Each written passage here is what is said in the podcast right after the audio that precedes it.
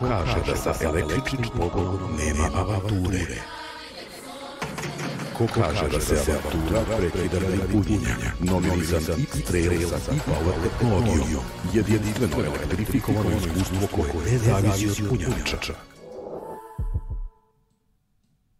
Ćao svima i dobrodošli u najnovije izdanje Lab 76. Ne zamerite što malo kasnimo, ali stigli smo iz Novog Sada bezbedno, smo vozili i malo zakasnili, ali bar smo uspeli da odradimo veći deo posla koji smo planirali, pa tako prvo da vam kažem da vam želim jedno lepo veče, prijetno uz motociklizam, naravno uz ljubav prema svetskom šampionatu Superbike-u, Moto Grand Prix-u i naravno knjigama koje u Novom Sadu ili blizini ulozi slobodan, nalazimo se u jednoj jedinoj hali koja se koristi za sam knjiga, broj 1, negde smo tamo centralnoj lokaciji, ja mislim, kako god, kojoj prilici neka nas poseti, nek dođe da se druži, ne morate ništa da kupujete, danas je bilo zabavno i tako, nismo baš bili cijeloga dana tamo, bila je naša draga koleginica iz prodaje je verzija 21. vek. Dakle, dama rođena u ovom milenijumu, ali to nije ona koleg, da koleginica iz prodaje, samo jedna jedina, a večeras sa nama, posle dužeg vremena, danas je bilo pitanja gde je Dom Pablo, napustio je teretanu i pridružio se ekipi.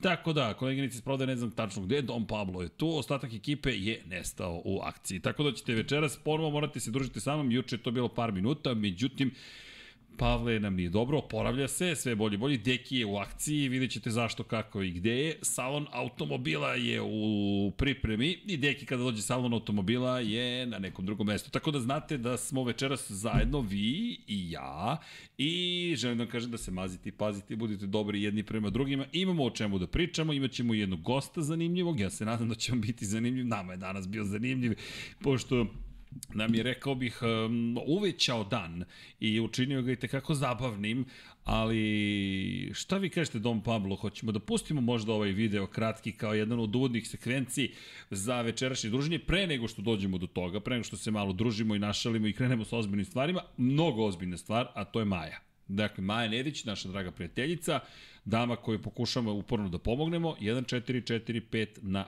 3030, koju mogućnosti da pošalje Hvala vam na tome ko može da uplati bilo šta na dinarski devizni račun, kako god da pomogne Maji, bit ćemo zahvalni. To je dama koja deli život sa našim dragim Nenadom Milunovićem, kolegom sa sport kluba, čovekom s kojim mi smo imali čast i zadovoljstvo da radimo i kao komentatori i kao generalno prijatelji da se družimo, tako da Maja se bori protiv kancera i u to ime ja naravno pozivam vas da generalno vodite računa jednim drugima, zaista da se mazite i pazite i kada govorimo o ovim bolestima gotovo je nemoguća misija u pitanju, ali nije nemoguća. Mi možemo da je pobedimo i ono što hoću da napomenem takođe, mart mesec je generalno borbe, mesec borbe protiv raka, to je prevencije malignih tumora, tako da nije samo oktobar kada se borimo protiv raka dojke, to je specifično, dakle govorimo o raku dojke, sada pričamo generalno o kanceru i maj se nažalost vratio, imala je već jednu uspešnu, uspešan tretman, nekoliko godina je bila mirna, sada moramo da dobijemo ovu bitku, tako da eto, koje mogućnosti Hvala. Sve što donirate tokom emisije u narednom periodu mi ćemo prebacivati Maj i Nenadu na njihove račune, to jest na račun fondacije Budi Human preko koje se sve organizuje, novac nama ne ide nikakav, dakle i ovo što stigne sa YouTube-a mi ćemo odmah da prosledimo dalje, dakle kada kažemo ne ide nama, niko ne uplaćuje za nas, sve je to za Maju. Maja, dakle Nedić, ko pita, dakle iz perspektive prezimena, čisto da znate o čemu se radi, I Majo, ako slušaš, udri like, mi te lajkujemo svakako i spominjemo i nadam se da osjećaš ljubav koju ti šalje cijela ekipa, svi koji rade u studiju na kraju univerzuma, što kao deo Infinity Lighthouse, ko što kao deo nekih drugih podcasta, svi smo mi u istoj priči, tako da pre svega nadam se da smo ljudi. Tako da hvala. A Don Pablo, šta vi kažete? Hoćemo da otvorimo jednu se... Evo, ovo moram, moram, moram samo da napomenem. Ovo je sad onako E, uslov rečeno pomalo rizično, iako je, iako što ćete čuti, ima neke veze sa mnom, ali nadam se da me sa sport kluba niko neće prijaviti da strajk neki popijem ili nešto slično, ali ovo nismo mi napravili, kasnije ćemo malo pričamo više o ome, ali nama je bilo suviše zabavno, pa ko nije video, da vidite edit, ja se nadam da će to biti, da ne odleti ovaj Ducati, pričat ćemo o Ducatiju dosta, dakle, edit gospodina Igora Zeca, koji je danas, verujte, koliko vidim po porukama koje dobio, razgalio sve ljubitelji automotosporta. Pa, Dom Pavlo, hoćemo da prikažemo publici koja eventualno ovo nije videla i, i čula, pa eto, ja se nadam da će vas zabaviti koliko i nas zabavio. Ajmo, malo rizikujemo, da vidimo. Markeza i Kvartarara čak koristi malo i zavetrenu, proklizavaju jedan i drugi ulazku u prvu krivinu, ali... O, kakav pad Marka Markeza! Već ovde izgubio kontrolu motociklom. Obično uspe da se izvuče, međutim pogledajte sada, klasičan high side, guma je uhvatila, potpisala i lansirala Markeza. Pogledajte doskok.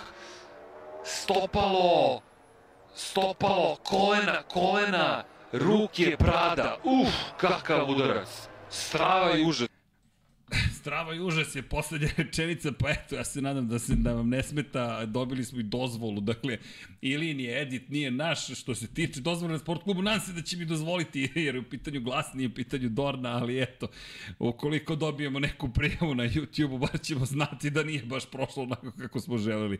Ali ja se nadam da je vama ovo zabavno, meni je bilo veoma zabavno, pogotovo što u početku sam dobio poruke i uopšte nisam pustio ton i gledam kao, pa dobro, okej, okay, super, stiže sezona, ali što mi 50 ljudi šalje jedan te isti video i razmišljam, čoveče, koliko svima nedostaje Moto Grand Prix kada komentarišemo video nekog nepoznatog čoveka iz neke nepoznate zemlje. Ispostavilo se zapravo da je lokalni momak u pitanju koji je, eto, malo u duhu Marka Markeza i to iz perioda pre povrede velike Marka Markeza. Ako se ja ne varam, ovo je Malezija 2019. Moje mišljenje samo, ne, ne sećam se, ali kada je u kvalifikacijama pratio Fabio Kvartarara i pokušao da ga zastraši, pa ona čuvena prva krivina u desno, pa onda idemo u levo i moment kada ga je motocikl lansirao preko zapravo upravljača, jedan vrlo ružan pad i makar je to moje sećanje, ja se nadam da ne grešim, nemam pojma, ali mislim da je to bila Malezija. Tako da ne zamerite ako sam pogrešio, ali morao sam ovo da podelim sa vama, jer pojenta cele priče jeste da se, valjda da se zabavimo svi zajedno. Tako da eto, Igor Zec da se sve zabavio, pa biće prilike eto da saznamo malo više sa nam to šta se to što je dešavalo i tako dalje. No, imamo nekog ozbiljnog posla večeras kada je reč o svetskom šampionatu Superbajku, ne zamerite što nam Deki nije tu, ali uh, sledeće nedelje, ukoliko Deki ponovo bude u salonu automobila, inače mi radimo na tome da i mi nastupimo na salonu automobila, ne znam da li ćemo uspeti, držite nam palčeve. Zove se salon automobila zvanično. Ovde mi domacuje koleginici iz prode, Dom Pablo, molim vas, objasnite da je to, da se zove zvanično salon automobila kolega, je bench na 130 pao? Ok, morat će... A, smršao sam reci. A? Jesam, a, a, malo sam se popravio. U svakom slučaju, čekam tvoj poziv u teretanu, a koleginice, samo da vam kažem da u ovoj situaciji grešite, to se zove samo na automobila. No, kako god, držite nam palčeve da ćemo tamo biti, do tada smo u Novom Sadu u svakom slučaju, pa eto, možemo da se družimo. Nego, današnje teme, svetski šampionat u Superbajku, Mnogo vas se šali često da je zapravo Ducatijev kup Moto Grand Prix postao ali ja moram da vam kažem da je Ducati Cup zapravo svetski šampionat u Superbajku kako sada stvari stoje. Jednostavno to tako izgleda i iz perspektive onoga što se događa nije baš da nam se sezona smeši sa mnogo uzbuđenja. Ja se iskreno nadam da grešim, ali kako krenuo Alvaro Bautista, više se postavlja pitanje sa koliko prednosti će da pobedi, a ne da li će da pobedi. Činjenica ovoga vikenda u Indoneziji smo imali priliku da vidimo i jedno odustajanje, tako da to daje neku nadu njegovim konkurentima. Samo 112 poena ima od mogućih, čekajte koliko je mogao da ima, mogao je da ima 124, je li tako? Super pol pozicija donosi trka 12 poena, dakle 124, jesam u pravu, da, 4 puta 25, 2 puta 12, to je 124. Ima 112 pojena. Ali, ali, šta smo rekli prošle nedelje? Ovo bi mogla da bude staza da će Toprak razgatli oglu šampion od pre dve godine Mahi da uzvrati udarac. I videli smo dva druga mesta, pol poziciju, to je pobedu u Superpol trci i situaciju koja obećava. Inače, zanimljivo, na drugoj i trećoj poziciji u šampionatu sveta su Yamahini vozači. Andrea Locatelli, pozicija broj 3 I ono što je bilo šokantno jeste zapravo loša forma Johnny Re. Deveti, četvrti u odustajanju u trećoj trci. Kawasaki ne mogu da kažem ni loša forma, ne, ja mislim da moraju da, da ono što Deki spominjao, mora da se promeni situacija kada je reč o ograničenju obrta. Ja znam da je to za sezonu definisano, ali ukoliko lako ostane, baš ćemo biti u nekoj ozbiljnijoj situaciji. Alvaro Bautista izgleda i dalje spektakularno, dakle 50 poena je opet osvojio, sve to izgleda kao jedna sezona u kojoj naravno, viđali smo sezone u kojima se stvari okrnu kada su se promenila neka pravila, promenila pravila, ali činjenice da za, u, za, u ovom trenutku za sada stvari izgledaju zaista poražavajuće za njegove konkurente i iz te perspektive ne znam da li će se nešto suštinski promeniti ili ne, međutim, nama je zanimljivo da platimo svetski šampionat u Superbajku, zaista uživamo i ono što, što, što bih istakao u celoj ovoj priči, dakle ono što smo videli tokom ovog vikenda, ne znam da li ćete se složiti sa mnom ili ne, je čak meni bilo u Supersportu. Imali smo priliku da vidimo Džana Ondžua s obzirom na činjenicu da je Džan Ondo čovek koga smo imali prilike da pratimo i podržavamo na neki način kao najmlađeg vozača u istoriji svetskog šampionata u motociklizmu koji je zabeležio pobedu 15 godina i 115 dana, čuvena trka u Valenciji, ali ono što je meni bilo zaista lepo na neki način i dirljivo, možemo reći o, o, ovoga puta, jeste upravo njegova pobeda u prvoj trci od dve, Inače, Nikolo Bulega je trenutno na poziciji broj 1 u šampionatu sveta, Stefano Manci na poziciji broj 2, Gian Onđo na poziciji broj 3 i ako pogledate, to su sve ljudi koji su stasali dali u Moto trojkama, u Moto dvojkama, u Moto Grand Prix, neki u Superbajku. I Federico Caricasulo, koji nije stasao možda, to jest nije stasao u svetskom šampionatu na taj način, ali druga i prva pozicija i Niki Tuli iza njega, čovjek koji vozi Triumf, Marcel Schrotter koji je stigao u Supersport je šesti. Meni su te priče bile mega zanimljive, pošto je reč o nekako selitbi Moto2 u svetski šampionat Supersporta. Inače, Jorge Navarro, osmi u šampionatu iza Johna McPhee. John McPhee video je pobedničko poslije. To nismo spomenuli prošlog puta, trebalo je.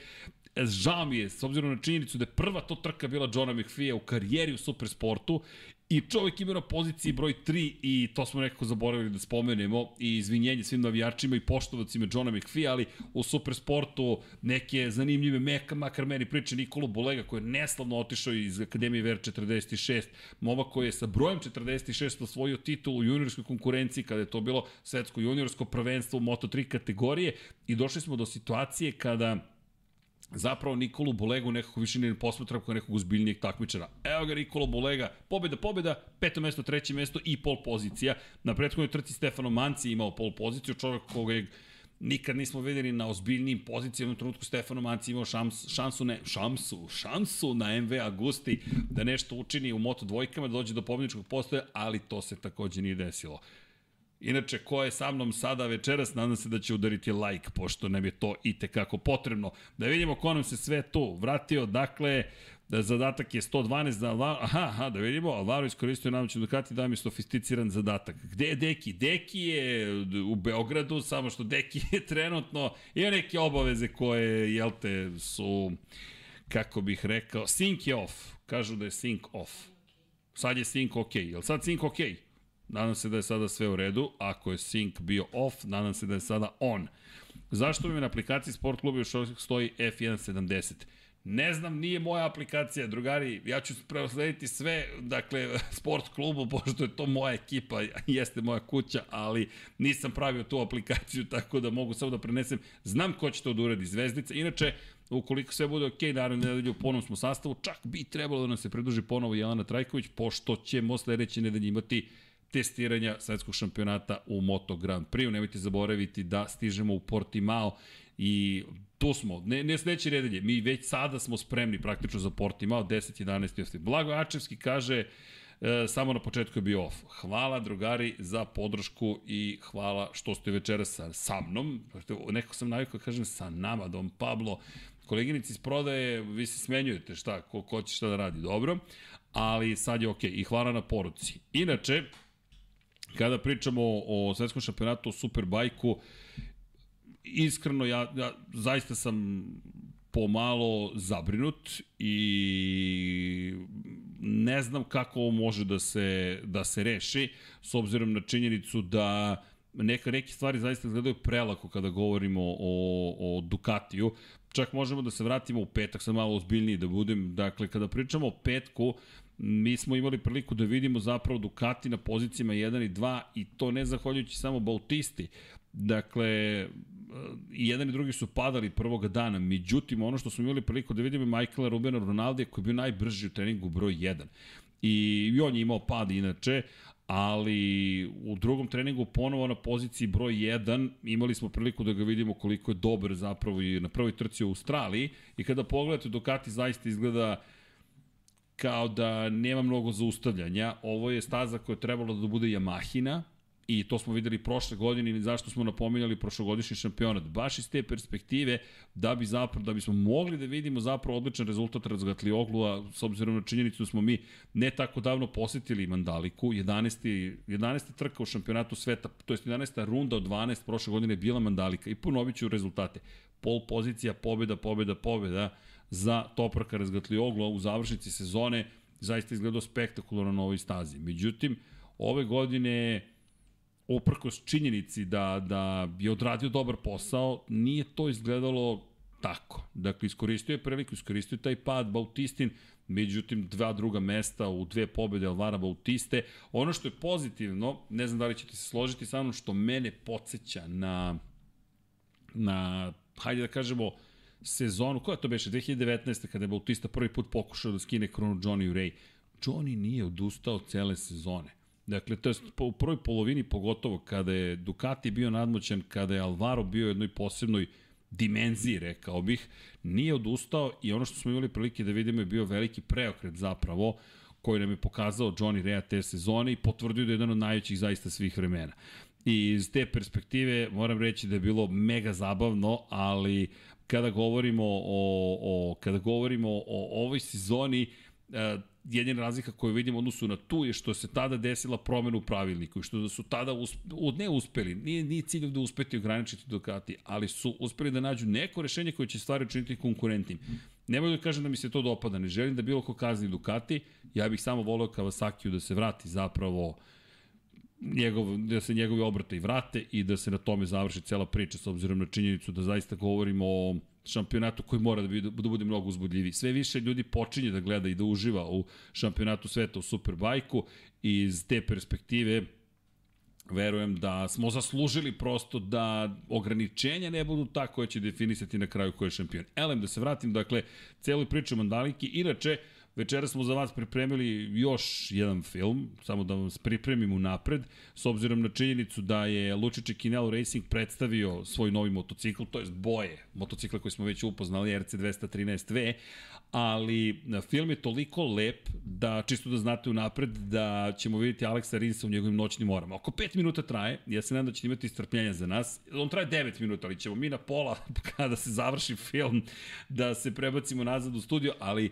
jače od mene, ovo je nešto što je mnogo lepa prezentacija Lučića Kinelo Racinga i i kao podrška njima, i Aleksu Rinsu, pa i Takakiju na Kakamiju, ali i njihovim sponzorima, nekako osjećamo da to treba da učinimo, pošto je uh, i Gas Gas je predstavio svoj motocikl i VR46, ne brinite, nisam skočio na Moto Grand Prix, samo da vam kažem šta sve još imamo da uradimo, nekako mi palo na pamet, moramo da se pozabavimo i najavom onoga što sledi. Ali, da se vratim ja u svetski šampionat u Superbajku, dakle, kada pričamo o o samom trkanju, zašto je Mandalika bila taj veliki test? Veliki test baš zahvaljujući tome što znamo koliko je Yamaha tu dobra i iz te perspektive baš nam je bilo važno da vidimo da li ćemo dobiti situaciju u kojoj na nekim drugim stazama možemo da razmišljamo o tome da će zapravo biti neizvesna sezona. Kada govorimo o rezultatima, mislim da je mnogo važno napomenuti koje smo mi rezultate imali na kraju.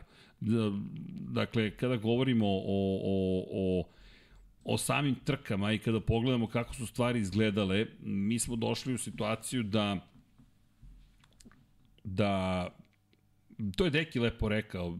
Žao mi što nije tu kad, kada smo razgovarali. Deki, eh, dom, pa šta je tačno bio rekao? Rekao je, ja sad sam zaboravio rečenicu, ali je zvučalo baš poražavajuće. Kao da pričamo o tome, nije uporedio s Markezom, nego sa Formulom 1 je uporedio celu situaciju, ali kako god. Dakle, ovo je bio taj test i nije baš položen test. Inače, u samoj trci Dakle, kada govorimo o trci broj 2 i kada govorimo o tome kako su stvari izgledale, kada pogledate hronologiju i analizu samih krugova, mi smo došli u situaciju da da jednostavno ja ne vidim kako Ducati zaustaviti. Dakle, ne vidim kako mi dođemo u situaciju u kojoj možemo da negde očekujemo da će se stvari promeniti. Inače, imali smo restart trke broj 2, samo da se razumemo. Dakle, posle 7 krugova prva trka je zaustavljena.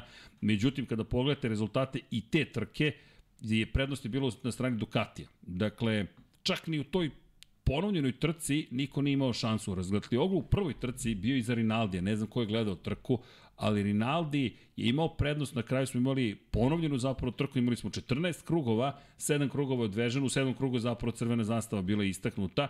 U tom momentu nije vodila Yamaha. Dakle, kada pogledate rezultate prve trke, broj 2, samo da napomenem, vi dođete do toga da zapravo u tom trenutku smo imali situaciju u kojoj je Rinaldi taj koji zapravo vodi. I to je imao prednost od 2,5 sekunde, dakle mi ne govorimo o tome da je opet neko iskoristio priliku što nije nužno Bautista bio najbrži, međutim čak i tu na neki način se sreća pojavila za, za sam Ducati i na kraju smo imali situaciju u kojoj zapravo crvena zastava inače posle pada Etla i Michaela van der Marka, ali koja je opet pomogla nekako Alvaro Bautisti. Valjda morate biti izmiljenih sreće u tim šampionskim godinama, ne znam, ali sve se na kraju krenulo da dođemo do toga da ona majica, tamo ne znam ni da li imamo kadar koji pokazuje na drugi deo studija, nemamo taj kadar, ali nema veze, pošto sam večeras sam, nismo uključili taj kadar, stoji zapravo majica u kojoj piše Alvaro Bautista, šampion sveta za 2022. godinu.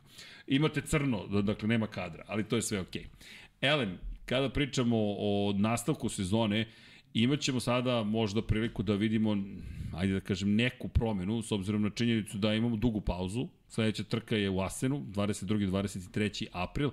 I ono što bih takođe napomenuo u celoj priči, kada pričamo o Asenu, jeste da je prošle godine Asen bio mesto gde je Johnny Rea zapravo bio taj koji je bio zaista izvrstan. Dakle, ne znam koliko možemo da poredimo situaciju iz 2022. sa 2023. ali zašto? Kraj sezone, poslednja trka prošle godine je bila trka na ostrovu Filip. Velika nagrada Australije. Pred poslednja trka je bila velika nagrada Indonezije Mandalika. Ove godine prva trka sezone je Australija, ostrovo Filip, druga trka sezone je Mandalika, Indonezija. I iz te perspektive mi ipak govorimo o tome da su timovi već i tekako uhodani, u formi, znaju kako da podese te motocikle. Sada smo na početku sezone, a opet su neke zakonitosti tu. Međutim, Asen se desio kao prošlogodišnja druga runda, dakle runda broj 2, i Rea je zabeležio dve pobede, jednu pobedu zabeležio Alvaro Bautista, dok je Razgatliogu imao pol poziciju i bio treći, to jest drugi. Uh, imamo neki problem tehničke prirode. Na A ni na YouTube-u nema ništa. E, da smo to mi to stali. E, op. Čekajte da vidimo. Pa, gotovo. E, da li smo i dalje u live-u ili nismo, nemamo pojma, može neko da nam pomogne. Ovde mi koleginice prode, slika je freezed. Aha, dobro slika, ali nas čujete. Don Pablo, u pomoć, sad ćemo da vidimo. Slika je stala, ali ako me čujete, samo mi napišite u četu, zvuk ide. To ne ide, to je to. Aha! Čekajte, dajte nam sekund. Šta se za nešto, ali dobro, zar nije ovo lep kadar, dakle, kada sam ovako potpuno zamrznut. Dakle, sad ćemo da, da vidimo šta se desilo, OBS nam ovo još nije nikada preredio, ali očigledno da je neka žurka sa OBS-om. Evo sad ćemo da pustimo fotku, da imamo radio prenos. Sad ćemo da vidimo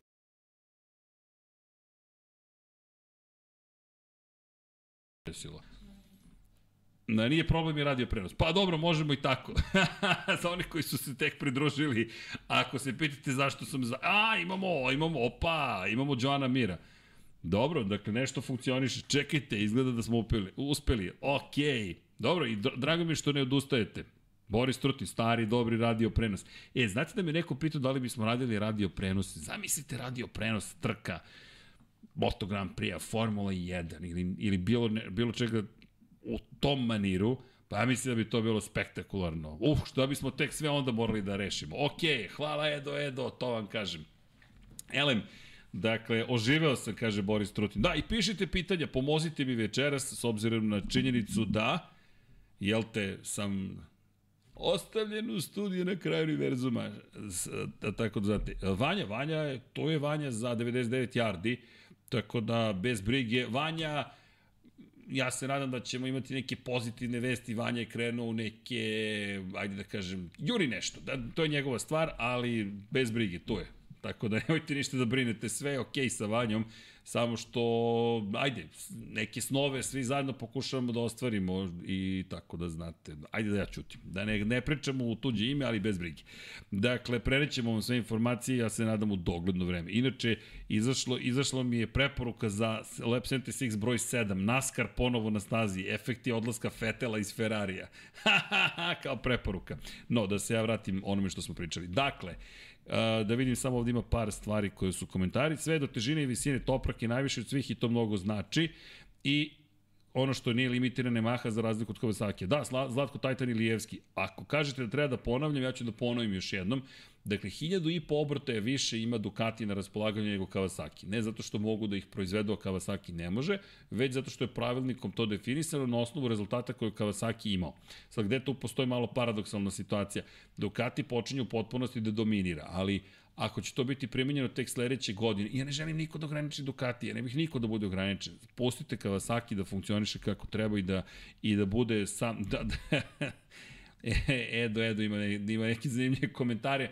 Neću komentarisati ovaj komentar, ali činjenica je da, da samo tražimo Kawasaki da se vrati snaga. Ali, kada govorimo o tome, čujte, možemo da vrtimo priču u krugu, krug neće se ništa suštinski promeniti što se nas tiče, ono što želimo jeste zapravo da, da, da se nastavi popularizacija svetskog šampionata u Superbajku i tu da napomenem, dakle, čisto da razumete, sport klub ne prenosi svetski šampionat u Superbajku, ali mi obožavamo motociklizam i nismo se toliko bavili Superbajkom jer i nama treba vreme da sve uspemo da pogledamo, pohvatamo i dođemo do stadijuma nekog koji je zadovoljavajući za nas bez obzira na sve to ovo ljubav prema motociklizmu. Dakle, nije pojenta ko nešto komentariše, prenosi i tako dalje, već pojenta u dobrom trkanju, u nekoj energiji životnoj i u pozitivizmu. Tako da, eto, dajte nama vremena dok mi malo uđemo u što sa svetskim šampionatom u Superbajku, a obavezno zaista gledajte trke, imate šta da gledate i u čemu da uživate, to je makar moje mišljenje. Inače, mnogo lepa stvar se desila tokom mog trkačkog vikenda, a to je da je zapravo posle koliko godinu i dva meseca, ali tako, Čavi Vjerhe je došao prošle godine u šampionat sveta u Superbajku, došao do pobjedničkog postolja. Prvo pobjedničko postolje za Čavija Vjerhija, ako ste ga zaboravili, Vjerhe je čovek koga smo pratili tekako pomno u Moto dvojkama i neko ko Japan, koje godine beše? 2000 2008. ili 9. možda čak i pre toga, na Teh 3 motociklu u Moto2 klasi bio na poziciji broj 2. Nikad nije pobedio Vjerhe, makar kako mene sećanje služi, u karijeri u Moto2 klasi, bio je par puta na pobjedičkim postavljima, prošle godine dobio priliku da ode u Superbike i šta je uradio? Pa, pokazuje da ima svoje mesto pod suncem, nije baš bio najbolji na svetu, ali deseta pozicija među vodećih deset, to uopšte nije loše za debitanta u Indoneziji najzad, sedmi, šesti, treći i super je bilo videti Španca ponovo u nekoj dobroj situaciji. Mlad je inače vozač u pitanju, on će tek da napuni 26 godina ovog aprila, mi ga dugi niz godina poznajemo iz Moto dvojki, ali mislim da to vredi zaista spomenuti kao jedan rezultat vredan pažnje. Navikli smo već na, na Bautistu, razgatli Oglua i na, na, na ajde, Lowe's je bio treći takođe na Mandaliki, ali to smo navikli da se povremeno desi. Re je taj koji popunjava tu magičnu trojku I iako ovoga puta to nije bio slučaj, inače Johnny Rea pao na šestu poziciju u šampionatu, 44 poena i to je baš, otež, baš težak posao sada, ali takođe činjenice da znamo da Rea sa svojih šest titula i preko 100 pobjeda će, će biti opasan do kraja sezone. To govori rivali, niko ne sumnja u to da će se vratiti u igru. Ono što je bilo meni zanimljivo, na primjer, dakle da na kraju dana kada pogledamo neki napredak koji smo imali u kontekstu toga kako su se na kraju raz, sklopile nekako kockice rezultati, pružaju neku nadu, iako sam počeo toga da nade praktično nema, ali kada pogledate malo bolje, postoji tu neka šansa. Šta mi je takođe zanimljivo? Honda, da napomenemo bitne stvari takođe sa Vjerheom, je bila na pobedničkom postolju. Honda je bila na pobedničkom postolju, tim HRC, za one koji eventualno ne prate Superbike toliko, to jeste isti taj HRC zapravo, naravno druga ekipa koja se trka u Superbajku i Ducati, Yamaha, Honda, Ducati, Yamaha, Ducati, Yamaha, Ducati, Honda. Iker Lekona takođe je bio među vodećih 10, takođe tim HRC-a, tako da tu počinju polako neke stvari da se dešavaju. Čak ni Scott Redding i Gerrit Gerlof nisu bili toliko daleko na BMW-ima. Naravno, govorimo o trci broj 2, pozabavit se trkom broj 1 ne računam toliko Super Pol trke, nije da ih ne računam, da me ne shvatite pogrešno, samo kada je reč o Super Pol trkama, kada govorimo o tome, govorimo zapravo o, o tome da je to jedna klasična, da citiram Danila Petruće, kao tuča. I to zaista poput tuče, međutim, tu su malo drugačije uh, pogledi. Volim da pogledam trku broj 2, pogotovo jer je to prilika da prilagodite svoj motocikl onome što ste videli u prvoj trci i još jedna bitna stvar, da zapravo posle celog vikenda vi kao vozač dođete do izražaja prilagoditi sami svoj stil vožnje onome što se događa na stazi i generalno onome što ste uspeli da uradite u prve dve trke, u prvoj trci. E sad, da se vratim na prvu trku, zašto mi zabrinjava i dalje Ducati? 4,8 sekundi prednosti je bila prednost Alvara Bautiste. Sve uz proslavu i ono što, što posebno zabrinjava, ne zamerite, malo ulazim u detalje neke, najbrži krugovi. Najbrži krug Alvara Bautiste u trci 1.32.803. Da li znate koliko vozača je vozilo brže od 1.33 u samoj trci? Jedan. Ne znam koja kamera me prikazuje, ali samo jedan. I to je bio Alvaro Bautista. Toprak Razgatlioglu je bio skoro dve desetinke sporiji. Inače, najbrži krug Razgatlioglu u trci je bio sekund sporiji od kvalifikacija, a najbrži krug Bautiste je bio šest desetinki spori od njegovog najbržeg kruga u kvalifikacijama. S druge strane, Andrea Locatelli 1.33.2 je vozio.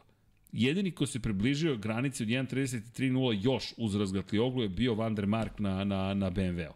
I tu govorimo o šestoj poziciji za Michaela Van der Marka, Međutim, nigde, niko nije bio ni blizu onoga što je Alvaro Bautista postavio u trci broj 1. Kada pogledate rezultate trke broj 2, čak možemo da spomenemo i rezultate trke koje je prekinuta broj 2. Ko je bio ispod 1.33? Rinaldi na Ducatiju. I onda dolazimo do trke broj 2. Zašto mislim da je bitna, zato što tu možemo da vidimo ko je napredovao po pitanju krugova. I pazite sad ovo, najbrži krugovi činjenica, skraćena, manje goriva i tako dalje, ali veliki broj vozača je vozio ispod 1.33.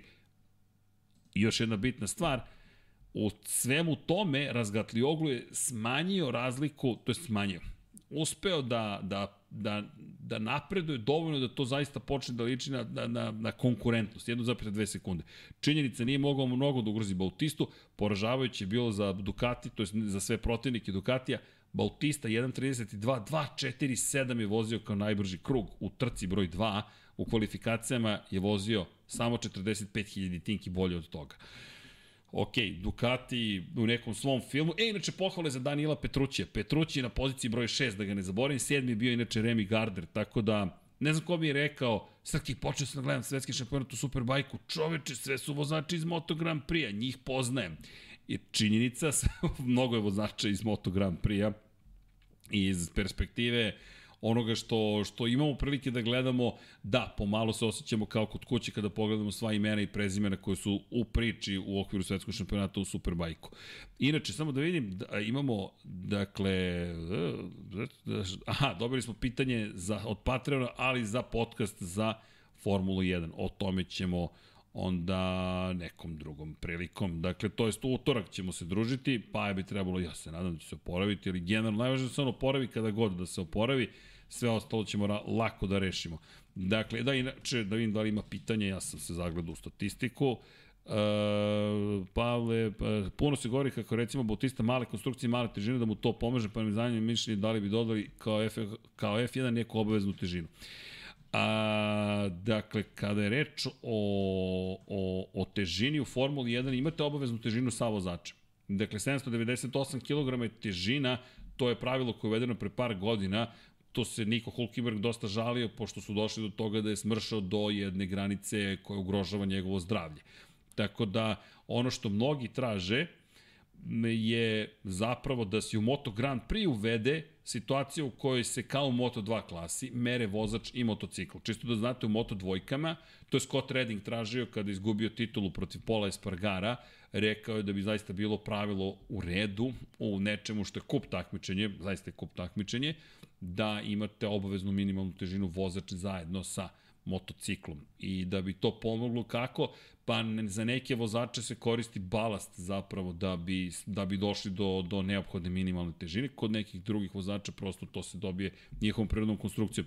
Da li pomaže? Uf, znate kako?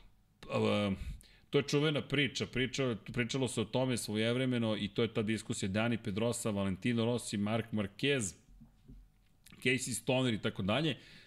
U to vreme, ne zamerite, spominjem, iako nažalost Dugović nije među nama, Marko Simoncelli, kao visok, težak vozač, da li oni imaju prednosti ili ne.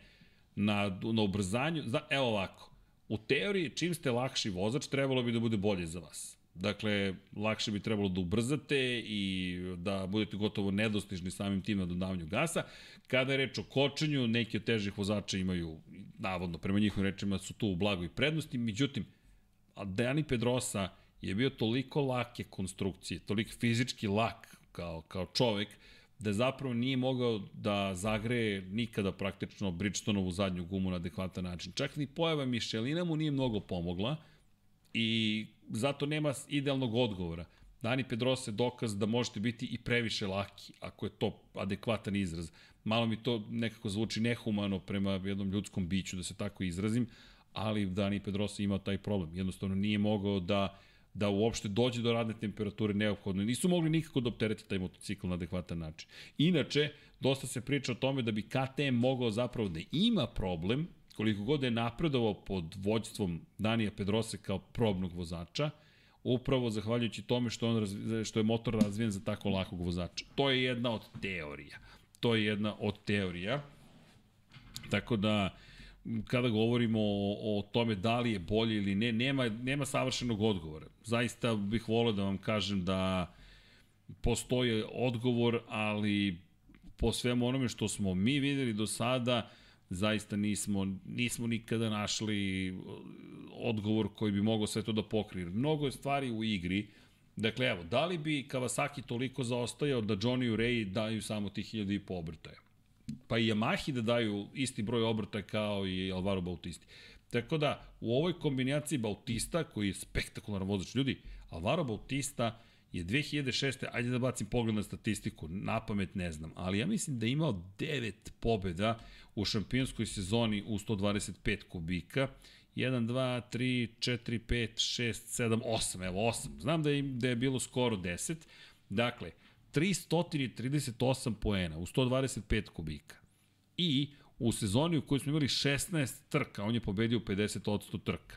Alvaro Bautista je trebalo da bude novi U to vreme Mark Marquez nije postojao kao koncept nikome na radaru. 2006. je imate dva velika španska vozača u tom trenutku koji su mega popularni. Dani Pedrosa koji je osvojio titulu u 125 kubika, pa otišao u 250 kubika, pa osvojio titulu, pa odbranio titulu 250 kubika, pri čemu u obe sezone 250 kubika je bio teško povređivan.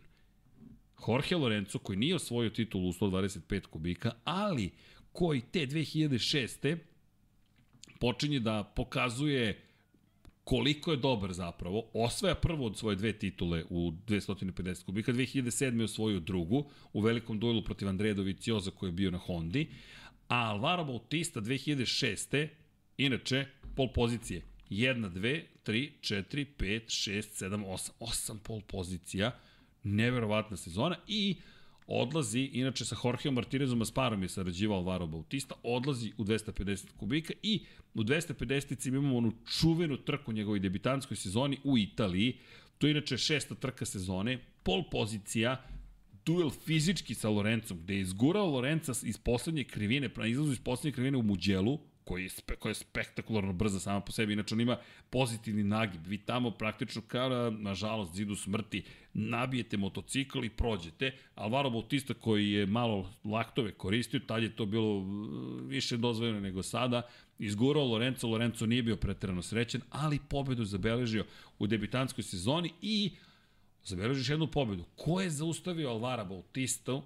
Marko Simoncelli. Marko Simoncelli se na Gileri 2008. pojavio, iz nebuha, da, talentom, mega talentovan vozač, ali niko nije očekivao da će odjednom Marko Simoncelli biti kandidat za titulu šampiona sveta. Njihovi dueli su bili spektakularni E, kako je Alvaro Bautista sa Lorencom malo na laktove išao, tako je Marko mnogo išao na laktove i bio uvek super agresivan vozač. Alvaro Bautista od, od tih duela nikad više nije bio isti, da se tako izrazim. I onda mu se dešava 2009 kada, kao, ok, to je ta sezona, treća godina, Katar počinje pol pozicijom, nije ni na pobedničkom postoju, ali pobeđuje Japanu, međutim dođemo u Španiju i u Španiji ga pobedi Hiroshi Aoyama na Hondi. To je poslednja sezona, inače 250-ica, Hiroshi Aoyama pobeđuje i posle toga, posle toga još samo jednu pobedu u karijeri ima u svetskom šampionatu u motociklizmu Alvaro Bautista, Katalunja te godine, to je Katalonija, staza Katalonija, u Barceloni kada je pobedio pred domaćim publikom i to je bilo to. Inače, četvrti je bio u šampionatu sveta te godine, dakle, četvrti kao debitant, vice šampion sledeće godine i četvrti naredne sezone, 2009. Hiroshi Oyama je osvojio titulu, inače sezona u kojoj je i Valentino Rossi poslednji put bio šampion sveta uopšte, jedna istorijska sezona, Hector Barbera je na kraju godine bio vice šampion i ispred Marka Simoncelli i ispred Alvara Bautista, zaboravljeni Hector Barbera, ali Bautista jednostavno te godine posle otišao u Moto Grand Prix, vozio i Suzuki, svašta je radio, bio je i na Ducatiju, bio je i na Hondi, na Aprili, svašta, baš se, baš se, baš se provozao kroz Moto Grand Prix, međutim nikad više nije bio to. Ali nemoj zaboraviti, to je jedan zaista spektakularan vozač bio u svoje vreme i sad kad su se stvari poklopile nekako i sve se desilo onako kako biste samo poželeli, Evo njega, konačno ljudi, on je imao 16 pobjeda u svojoj debitanskoj sezoni u Superbajku. Tako da je to kombinacija pre svega ultra talentovnog vozača na jednom spektakularnom motociklu i još mala telesna masa i tako. Odoh ja negde pet pobjeda novih ljudi. Ljudi ima pet pobjeda u šest trka ove sezone. Sad ima 112 poena. Nemam pojma kada reći kako će se završiti ova sezona, ali ono što mene zanima jesu zapravo Moto Grand Prix testiranja koja će biti u Portimao iz perspektive upravo toga, hoćemo mi opet da vidimo Ducati kako dominira u, u brzim krugovima i kako dolazimo do toga da zapravo mi imamo pa u, i u Superbike i u Moto Grand Prix kupove. Ne želim to, ali ajmo da vidimo. Inače, 11. mart je subota, 12. mart je nedelja. Nadam se da ste zapamtili datume, je lako je za vikend testiranja u Portimao. Neće biti direktnog prenosa Ono što možete da uradite, na TV-u makar neće biti, ono što možete da uradite jeste zapravo da motogrampi.com ispratite, ja mislim da će oni se pozabaviti prenosom. Pričali smo o tome, međutim, na sport klubu neće biti prenosa, to pouzdano znam, ali eto, mi ćemo pokušati da ispratimo naredne nedelje zapravo rezultate, zato kažem naredne nedelje, nadam se da će biti baš uzbudljivo iz te perspektive. Nadam se da nisam nešto zaboravio, ali hoću, hoću da se samo pozabavim super sportom, Mislim da je mnogo bitno da spomenemo i super sport. Tačnije, ima tu još par stvari. Ajmo da se pozabavimo Andrejem Lokatelijem. Ljudi, Andreja Lokateli u prvih šest trka tri puta na pobedničkom postavlju. Meni je to sjajan rezultat. Dakle, Andreja Lokateli, momak koji je gradio karijeru u Moto trojkama i Moto dvojkama, par puta bio na pobedničkom postolju, ništa nismo videli toliko spektakularno, negde mi ga pamtimo kao klubskog kolegu, pazite ovo, kao klubskog kolegu Joana Mira i Fabija Kvartarara. Miodrag Kotor ih je angažao kao šef Leopard Racinga, oni su delili garažu. Dakle, dva svetska šampiona od tri vozača su iz te generacije Leopard Racinga u Moto trojkama. I Andrea Locatelli je delio garažu sa njima, tako da ne bih ja pocenio šta može zapravo da postigne Andrea Locatelli te godine, 2016. godine, imali smo priliku da gledamo zaista uzbudljivu sezonu, međutim Leopard koji je te godine sarađivao sa KTM-om nije to baš ispalo onako kako su želeli.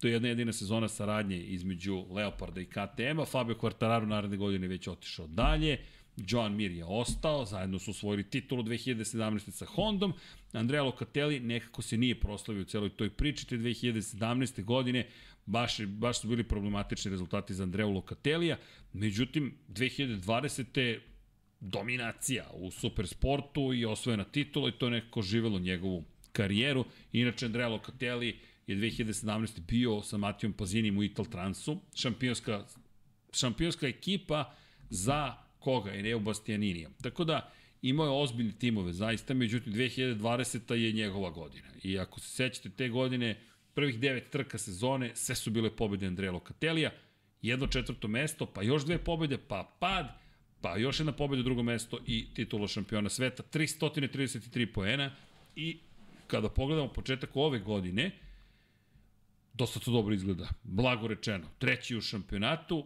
prošle godine nešto lošiji nego u debitanskoj sezoni, ali bih ja vodio račun o tome šta može Andrea Locatelli, meni deluje da će iskoristiti sve svoje prilike, pa eto, ajde da vidimo Andreju šta može da učini, ne kaže da će osvojiti titulu šampiona sveta, ali deluje to prilično dobro i kada pogledate da je to čovek koji je klubski kolega sa Toprakom Razgatlioglom na Pati, to je Pata Yamahi, Ok, mislim da tu možemo nešto da očekujemo ozbiljnije. Inače, Dominik Egerter koji je eto, bio zaista sjajan u prvoj trci, nije bio loš u drugoj, 8. 10. i 12. Remy Gardner nije započeo prvu trku, 14. je bio u sprintu, to je super pol u sprintu, a sedma pozicija je pripala u, tre, u trci broj 2. Hafiz Šarin, od tih nekih ljudi koje tako poznajemo, nije baš bio spektakularan, ali 15. pozicija, 2 poena ukupno i tako dalje, i tako dalje. Tako da eto, pozivam vas da pratite svetski šampionat u Superbajku. Pitanje za BMW, zašto BMW nema snagu? Zašto nema pravi odgovor? Zaista, BMW koji se nekako muči da zapravo postigne ono što žele, doveli su Scotta Redding. Scott Redding koji je prešao, moram priznati mi deluje kao da je ljut otišao, a ne nešto drugo, ali ajde da mu ostanem dužan pa da se malo bolje raspitam da vidimo gde je BMW i zašto tu nema onoga što bi trebalo da se desi. Učestvuju, poslednji su u šampionatu konstruktora, inače Ducati 117 poena, Yamaha 91, Kawasaki 51, Honda 51, ali Honda može da se pohvali, eto, prvi, prvo pobedničko postolje i makar na neki način pomak u nekom pravom smeru. I kada ponovo spominjem Hondu, Šta vi kažete, da ćemo da bacimo pogled na jedan predivan film? Ljudi, budite strpljivi, ja vas zaista molim, znam da ovo traje i ovo je neopičero da jedan tim ovako prezentuje zapravo svoj motocikl i svoje novog vozača, ali mislim da Alex Rins, Lučiće Kinelo Racing, njihovi sponzori, pa i Honda, zaslužuju vaše vreme, vašu pažnju. Ja znam da ja uživam u ovome, pa eto, nadam se mi nećete zameriti da ćete uživati u ovome što je pred vama. Ako možemo da krenemo, odrite i samo se zavalite i uživajte.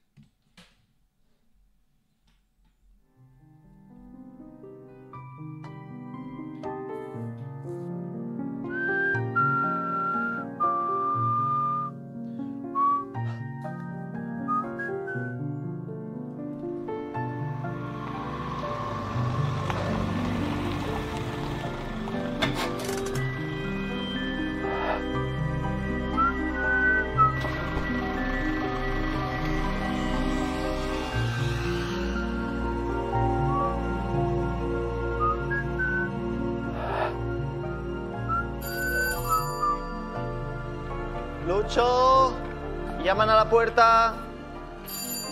Lucho, ¿qué puedes abrir, por favor? La puerta.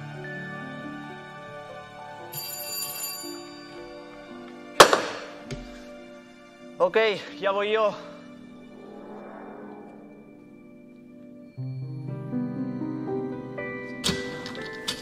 Mr. Rees? Yes? I have a few boxes for you from Japan. I didn't order anything. Uh, this is your name. Sign.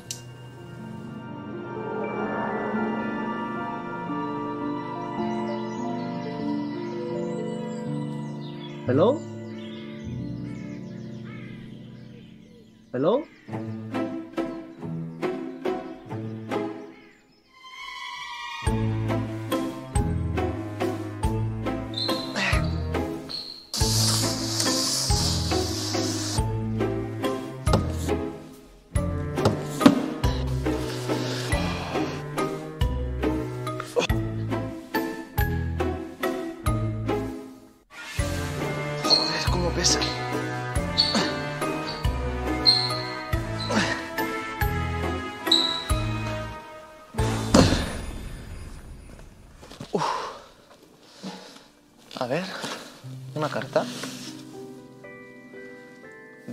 Some work to do. See you tomorrow.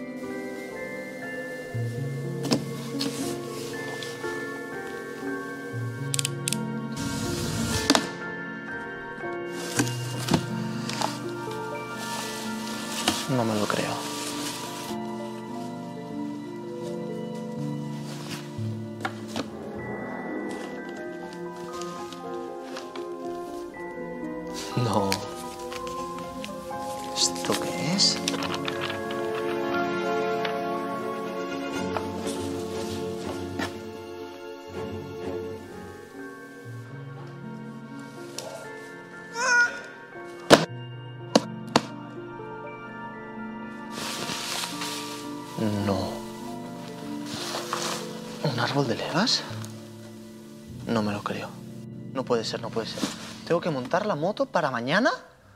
No, no, no, no, no. A ver, calma, calma. Tengo 12 horas. Tengo 12 horas. Vamos, va.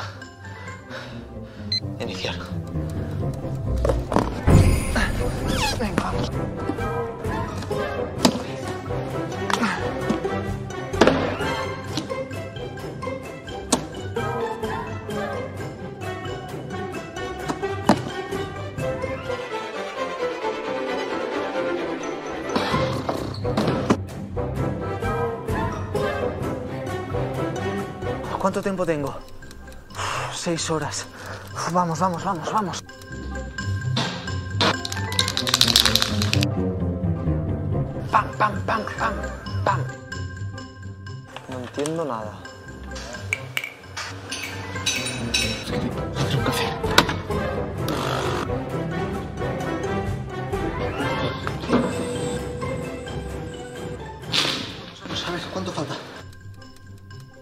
Tres horas, tres horas, vale, vale, vale.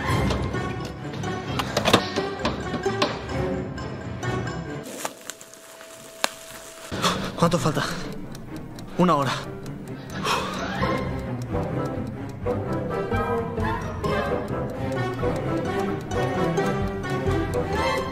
No, no vamos a llegar. 10 segundos. 7, 4, no.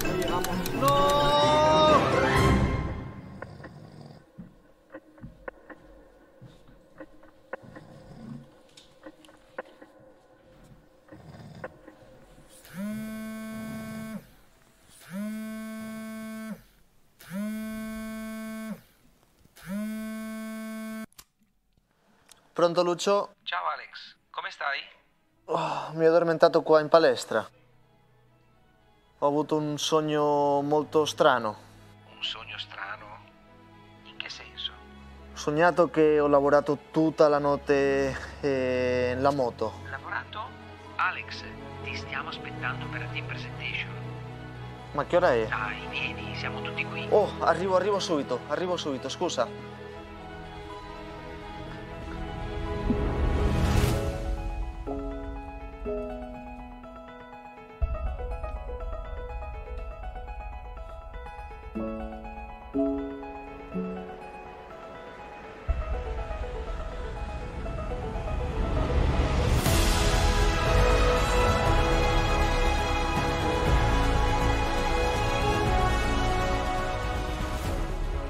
Every human being owns the capacity to dream.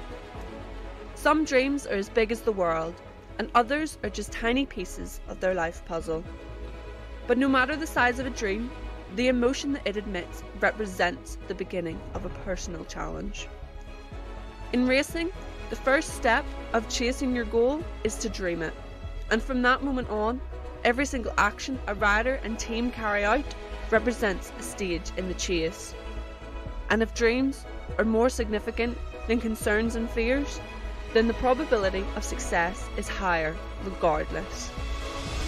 And we are big dreamers. They have always powered us. My current dream right now is to be a world champion. Uh, I, I work a lot, I fight a lot for, for this. To become a world champion, you need to work a lot, you need to be with good professionals, you need to, to fight, you need to also, in your job, in home, with the family, you need to have like everything under control. Uh, this is going to be my seventh season in, in MotoGP, and as you said, uh, I'm like uh, every year I'm learning something new, no? And and for sure, I learned a, a lot during these years to to work under pressure. uh, to, to be calm uh, with, with a lot of pressure, uh, with a lot of speed on track, especially the last years. I did a big step on my on my mentality, on my mind to, to be calm, to, to manage different situations. What I would say to, to the Alex from 15 years ago, more or less what I said before, no? to, to work hard, to, to, to be happy, to find good people uh, around you. And if, if you have this and you work quite hard, uh, you will arrive. My strongest point as a rider uh, can be the constance. Uh, I try to, to work hard from the from the beginning. I mean, if we if we look at the one GP weekend uh, from Friday, I'm trying to to study, to learn the circuit, to learn the, the notes I took the, the previous year, and to stay with my technical people, uh, with my engineers, trying to understand uh, the bike uh, and trying to, to know more or less all the all the secrets from, from that track. I will start the 2023 with uh, work and determination. Working on my bike to, to have like a, a good potential.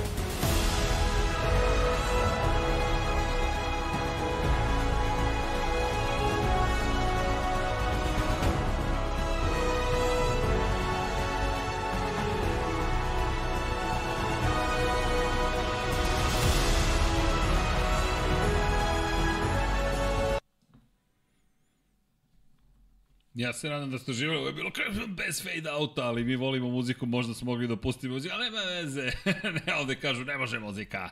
E, ali ljudi, ja sam bio da, ja sam bio uzbuđen, dakle, gledajući prvi put ovo i ja sam potpuno oduševljen i vidim mnogo vaših komentara, dakle, Honda se kladi na Rinsa. Okej, okay. ne znam da li se kladi na Rinsa, ali ljudi, ovako se radi prezentacija motocikla. Dakle, pri čemu slažem se s nekim vašim komentarima, dobro, dobro glumi, dakle, i tekako dobro glumi. I kada govorimo o, o, o, o Aleksu Rinsu, moram priznati da meni ovo obećava. Dakle, zvuči neke i gluma, ljudi, zvuči trezvenije, racionalnije, smirenije, a opet deluje kao onaj stari, dobri, vatreni Alex Rins. I vidim da Master ima komentarisao, e sada, morate da uvezete knjigu koju je, koju je držao u ruci.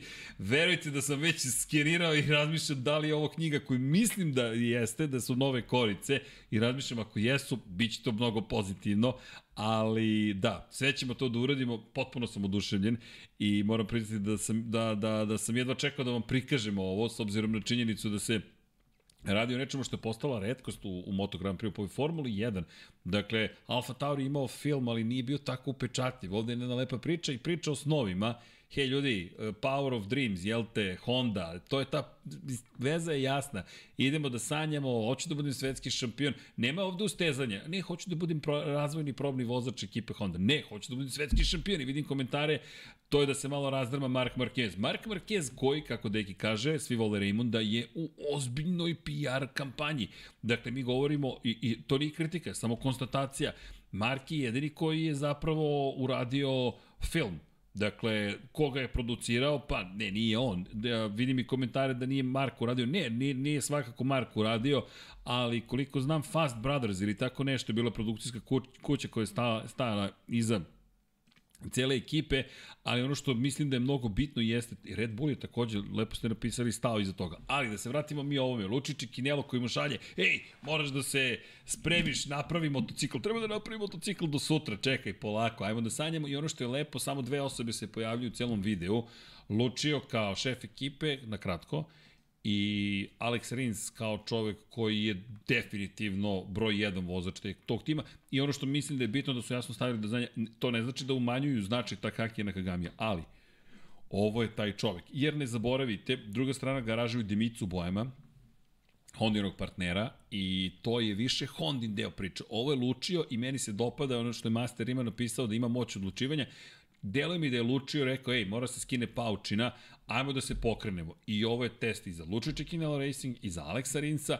Alex Marquez nije se snašao u timu onako kako su želeli, Deluje da njemu prije takođe Gresini s druge strane, tako da mislim da je svako našao svoje mesto pod suncem i da su na, na dobrom potu svi zajedno. Tako da, ovo mi se baš dopada u celoj priči, što smo videli i moram priznati da trljam ruke. Ovo je, ovo je, e sad da odgovorim Master Rimi gde je ta Kaki na Kagami. Ovo je promocija koju je Castrol platio. Dakle, uzmite obzir da je Castrol ovde bio glavni sponsor, ne i Demicu. Dakle, mi govorimo o tome da ne može da bude Dimicov čovek u Castrolovoj promociji i to jeste jedna de facto podela koja postoji u okviru Lučiće Kinal Racing tima. Redko vidimo različite boje za klubski kolegi, međutim govorimo o tome koliko je bliz, blizak taj deo garaže sa Hondom. Što ne znači da će i Demicu Honda biti dovoljno da Takaki na Kakami zadrži svoj posao. A i Ogura polako se razvija, Honda želi da ima japanskog vozača u svojim redovima, u Moto Grand Prix takođe. Tako da, čisto da, evo, komentar El Messi je čuva motor dok ne, ne stigne Ajo Gura. Nije baš, ali nije ni, ni, ni, ni, ni, ni daleko od toga, nažalost. Tako da, El Messi pita gde su Vanja, gde je Deki, bez brige, svi su dobro, zdravo, pravo, samo Deki salon automobila, a Vanja pričat ćemo o tom, pričat će vam Vanja zapravo. Vanju možete gledati na 99 yardi, evo nje Vanjin mock drafte mogli da vidite. Vanja prema, sprema još neke projekte, ne možete da budete na isto mesto, to jest na dva mesta u isto vreme, tako da bez brige.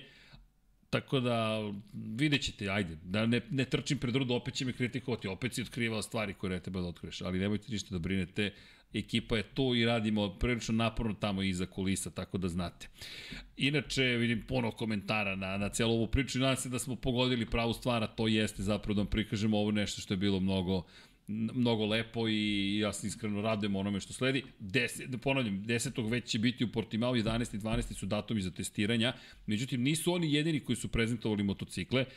Da, prezentovala je ekipa i Gas Gasa takođe, pre, predstavili su i Muniver 46, inače ukoliko vam se ovo dopalo, pa ne znam, jeste raspoloženi za još jedan film, ako ste raspoloženi za još jedan film, evo, da, da, da, da, da postavimo pitanje, ja ću da stavim sada anketu, pa ako ste raspoloženi, ali samo da znate, i ovaj traje negde skoro 10 minuta, da čisto da imate u vidu. Ali, dok se to sprema, ja bih da uključimo emisiju jednog vozača Honda, kada već pričamo o Hondi, da li je sve spremno za uključenje večerašnje, možda se nas dvojica nećemo baš videti, ili a možda i hoćemo, sad ćemo da otkrijemo zapravo. Ali možemo da se čujemo. Dobro veče. Dobro veče, da li se čujemo? Ja se nadam da će publika i da vas vidi. Ja ne mogu da vas vidim, pošto smo pola opreme prebacili na sajam knjiga u Novi Sad, tako da mi monitor, video monitor ne postoji, zato ni ne znam zapravo šta se sve zbiva, pa moram da gledam na levu stranu. Ali, da li je to gospodin Zec? Dobro veče, srđane. Dobro veče. Da li se čujemo? I, čujemo se, ne znam da vi mene čujete. Čekajte, Čujem, ekstra, odlično. E, ekstra, to, sad, sad vas ja vidim, top. E sad, ja, vi ste vozač Red Bull Racing Honda, čini mi se. Da, da, Racing Honda. to, to, moram, moram, moram, moram uvod za sve onih koji su se tek pridružili. Može još jednom kadar od kojih 30 i nešto sekundi koje smo prikazali na početku. Može, ja naravno. se mnogo smejao, ali ja moram ovo da spomenem i neka mi publika ne zameri, ali ja uživam u mom životu ome što mi radimo. Pa ajde da vidimo vaše remek delo i čujemo. Markeza i Kvartarara čak koristi malo i zavetrinu, proklizavaju jedan i drugi na usku prvu krivinu, ali... O, kakav pad Marka Markeza! Već ovde izgubio kontrol motociklom. Obično uspe da se izvuče, međutim pogledajte sada, klasičan high side, guma je uhvatila, potpisala i lansirala Markeza. Pogledajte doskok. Stopalo, stopalo, kolena, kolena, ruke, brada. Uf, kakav udarac. Strava i užas. Markeza i... Ok, Igore, pa dobro, jeste ovo vi na snimku? Ili je ne Igor, izvini, Ilija Zec, Ilija, jeste vi na snimku? Jes, jas. pa kako, kako je došlo, kako je pobjelo ovo ti, natjera me druga da pitam, ovo testirate Tomos, Carbon, šta je ovo, ugljerica? Da, lakna? da, ovaj, dobio sam iz Honda ovaj, opustu za testiranje novog prototipa za 2026. godinu. Ilija, jeste vi dobro? To je moje prvo pitanje posle ovog pada. pa jesam, nije bilo toliko strašno, imao sam par malo većih ogrebotina, ali nije to toliko strašno koliko, koliko izgleda. Ja ću za sve one koji žele da, da ovo pogledaju na TikToku, da prebacim i sad link u, u video Dakle, ja ću sada da stavim, pa ko voli neka vas zaprati na TikToku, ne znam da vam spremate još ovakvih edita. Samo da znate, ja nemam pojma da li ste prekršili neka autorska prava, ali ja kao glas koji se tu čuje, vam šaljem samo veliki pozdrav i kažem da ste uradili mene, zabavili danas, verujem da ste mnogi razgalili. Ali... Ja se zahvaljujem puno. Viču ovde izvan Gevara, ali ili ja sam morao da vas zovem, čisto da, se vas upoznao. Koliko ima 400.000 pregleda? tako, tako, nešto, nisam sad skoro pratio, ali preko 400.000 pregleda. A to je, a, juče, sinoć ste stavili koliko vidim. Pa sinoć, pa pazite ovako, to je, to je snimak koji je već star dve godine i on se nalazio na mom Instagram profilu koji je zaključen Dobro. i ljudi nisu mogli da vide i nije mogo da se istakne tako je sad nešto sam razgovarao sa suprugom i ona je predložila da okačim taj video i rekao ajde mislim Pa evo vas u Lab 76, dakle, šta je moć društvenih mreža? to je neverovatno, čoveče, da sam, da sam sanjao ne bi... Ne bi ovaj... Neverovatna stvar, neverovatna. Ja sam Prvo imam da, da. čoveče tremu, ako sam preko kamere, to je neverovatno. Nema veze, ne, pa dobro, svi smo mi zajedno u ovoj celoj priči kao zajednica i ne zamerite što se mi malo šalimo, ja se prvo smeo, mislim, ne, nepoznat čovjek iz nepoznate zemlje. Da mi, I onda čitam komentare i ljudi koji vas poznaju očigledno pitaju da li ste dobro i razmišljam, čekaj, nisi ni pitao čoveka da li je dobro. Dobro sam, dobro sam, nisam imao težih povreda, ovaj, Pa, pravo da ti kažem, kad sam pao, ja sam pao bukvalno na rame i vidi se na onom zoomiranom snimku, na zoomiranom, pardon, delu, vidi se kako sam se ja okrenuo i bukvalno sam posle toga ja ustao na noge sam stajao. Aha, dobro, pardon, dobro. na nogama sam stajao, tako da... A kako ti palo na pamet ovaj, baš ovaj audio da staviš? Dakle, dakle jel navijaš, za koga navijaš u Moto Grand Prix? Pa, ne, navio sam za Banjaju generalno ovu sezonu, sad što je, pardon, ovu prošlu sezonu gde je i osvojio titulu, ali kako se Marquez vraća, kako vozi, kako generalno se ponašao u ovom šampionatu prošlom i da je post, pored tih povreda imao jako dobru sezonu po meni. Ja mislim da on jako sam čitao da nije zadovoljan baš sa Hondom i, i sa, sa ovim motociklom. Mislim da ima jako velike šanse da osvoji ove godine titulu. Dakle, to, to je to, zato si ubacio ovde Markeza, ti si Markez. kako, Markeza sirotinju, kako se kaže. ne, ne, ne, ne, ne. Ali pazi, na, nas je ona gospođa zbunila u daljini, jel ono sudija, šta je ono publika, šta se ono Pa to je, to je redar što nije sklonio ovaj kamenčiće pored, pored puta. Sklonio, nije očistio još onak. Nije otišao, da, da, zato sam i pao naravno. Sjajno.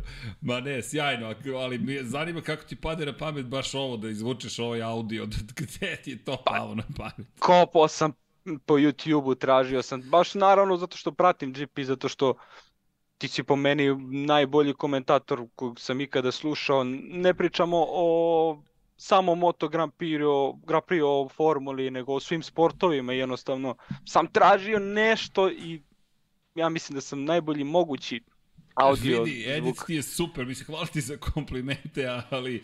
Nema na čemu. Svi, ne, ne, mislim, hvala, lepo je to čuti, ne, vidi, ali mi smo svi, svi smo mi ljudi Tako i nekako cijela ekipa kada komentarišemo, to je ljubav prema sportu, ja mislim, pre svega, ali hvala ti, ali meni je fenomenal kakav si Edit napravio, ja sam smeo, još ono kad si zoomirao sebe u krivini, ne, ne, ne, potpuna pobjeda. morao sam da zoomiram, to se u daljini toliko i ne vidi, onda sam baš zoomirao kako je bio taj high side što, što ti kažeš i kako beše e, stopalo, stopalo, kolena. Stopalo, stopalo, kolena, kolena. Ja, ja sam ubiđen to Malezija 2019. Ne mogu da, ovako na pamet, jer mi to deluje kao onaj moment tamo u drugoj krivini kad kreće u levo, spušta se desno pa kreće u levo, ali nije ni bitno. Vidi, hoću da ti se zahvalim u ime uh, cele zajednice ljubitelja Moto Grand Prix, ja? Jer ti si, ne, mene si tako prenuo, gledam koliko ljudi gleda šta se zbiva i što je najgore nisam pustio zvuk, nego razmišljam, aha, okej, okay, nešto kreće i onda kada vidim svi mi, pa ja mislim da mi je 30 ljudi poslalo poruku, pogledaju i razmišljam šta je ovaj klip toliko bitan u celoj priči, tako da, Vidi, ti si najavio sezonu na najbolji mogući način. Luče Čekinelo Racing uradio ovaj profi moment, ali ovaj tvoj je pobedio za danas. Hvala, hvala. Bilo je, bilo je jako ovaj, zanimljivo, jer smo mi taj motor, ako verovatno niste ni primetili, e, taj motor je farban, znači mi smo dva dana pre, pre pada mog farbali motor, Znači Dobro. crna, crna ovaj Pa mat se, boja i crna zlatne... mat boja izgleda sjajno, onda mi šta, evo, karbon, zezamo se. Izvini, i, i, i. crna mat ovaj, boja sa tim zlatnim detaljima i imam tu problema i sa karikama, mi smo menjali karike, to je od moje supruge, e, njena sestra od tetke je njen brat. Eto, Dobro, mlađi okej. osmi razred Okej. i vidi, mi smo to sklapali, zezali se. Mi smo pola sata se vozili tako malo on, malo ja kroz tu krivinu i bila je priča, ovaj, rekao što ne bi prošao pun gas, jer znaš ono kako smo vozili, kako smo vozili, znaš ono, "E", pa pustimo gas, mm, pred krivinu i onda dodamo, e, i rekao šta što ne bi probali ovaj, punim gasom, on kaže nemoj bre, nema šanse bre, upašćemo čoveku u dvorište. Rekao, daj, nemoj me zezati, to je samo sekunda, ostani, ostani na gasu. Rekao, daj mi, ja, rekao, ja njemu kažem, daj mi motor da probam. Pazi, ja sam deset puta tu prošao. Ja, znaš, gaz, gaz, gaz, gaz, gaz, gaz. I na snimku se jasno čuje da ja ne puštam gas. I kako sam se sago, kako sam oborio kondu, vidim da, da, da, da gubim, da gubim ovaj, kako se kaže, da ispravljam krivinu. Ti li ispraviš krivinu? I to je bilo samo da ne padnem, samo da ne, da ne polupam motor, samo drži, drži, drži. Ma kakvi volan se okrenu i... Izvini što se smejem, ali... Ma ništa, zdrav pa- si, prav si, vidi, gledam Tako onaj je. kadar. A ona gospođa u daljini, mislim, ko zna šta li misli žena.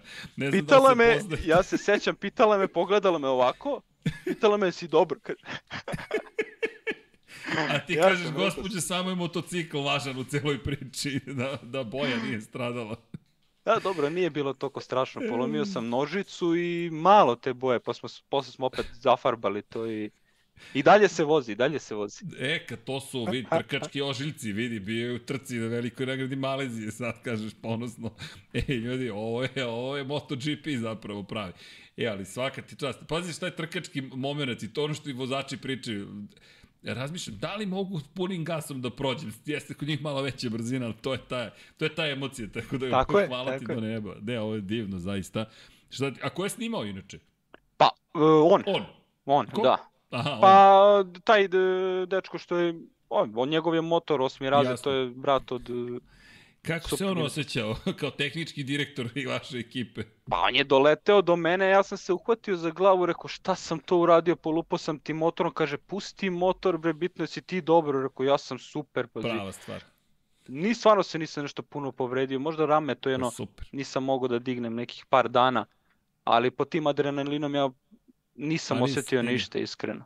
Dobro, ali nije, nije, nije strašno, to je Nije, najvažnije. nije strašno, zato sam i okačio taj snimak jer zašto se ljudi ne bi smejali, pogotovo na moj račun.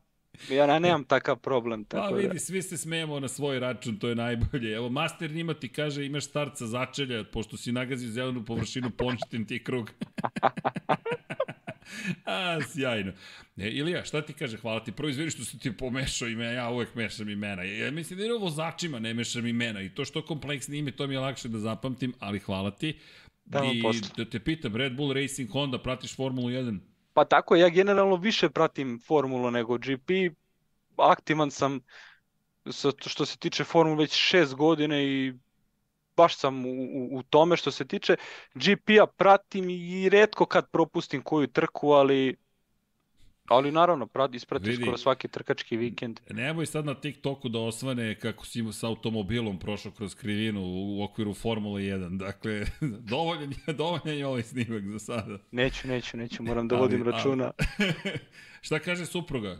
Šta ti je rekla posle tog, jel te, manevra? Pa, znate kako, ja sam kad sam ulazio u kuću, prvo me videla tašta. I onda kad me je videla, ja sam imao grebotinu ovde na glavi i, i sve ovo iz blatnjavo.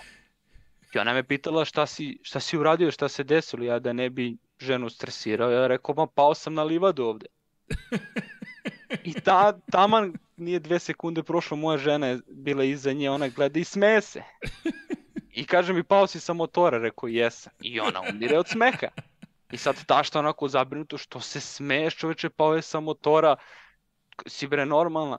Kaže, ona, ona je rekla majci, ovaj, pa vidim ja da se on smeje i da, da mlatara rukama i nogama, tako da ništa nije slomio, verovatno samo samo se prevrnuo kao što i jeste, tako da nije to uopšte Vidi, bilo tako strašno. Sad si pravi MotoGP-evac, ja ti čestitam i hvala ti još jednom što si nas zabavio i što imaš lep smisao za humor. Pozdravi tog momka, svaka mu čast. Prvo ljudi, Hoću, posle hoću. motori.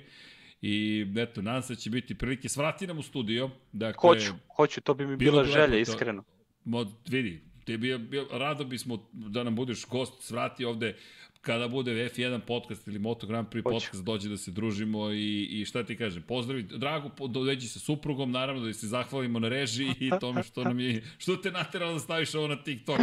Ja nisam imao problema da je toliko moćan TikTok, verujem i ga samo jutros dobijam hiljade poruke, različnom Ilija, crni Ilija. Pa izgleda ni ja nisam svestan jer je se taj snimak proširio i na Instagramu i, i mnogi ljudi su ga kačili, naravno, eto, to tek sad video.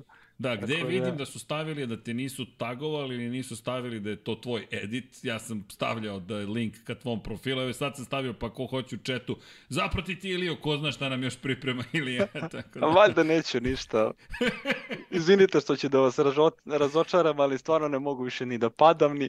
nemoj da padaš, nemoj, nemoj. Ali ovo je lepa jedna anegdota. I kažem ti, kad god si raspoložen, imaš sad i moj telefon, javi se instagram.com kroz Infinity Lighthouse, to svi koji su inače, dakle, koji, koji nas prate, pišite ukoliko želite da svratite do studija kada snimamo ili inače, to nam je, to nam je neka vrsta malo prodaje. Koleginici iz prodaje, izvinite, nemojte me ubiti što, što spominjem, ali eto. Tako da znate.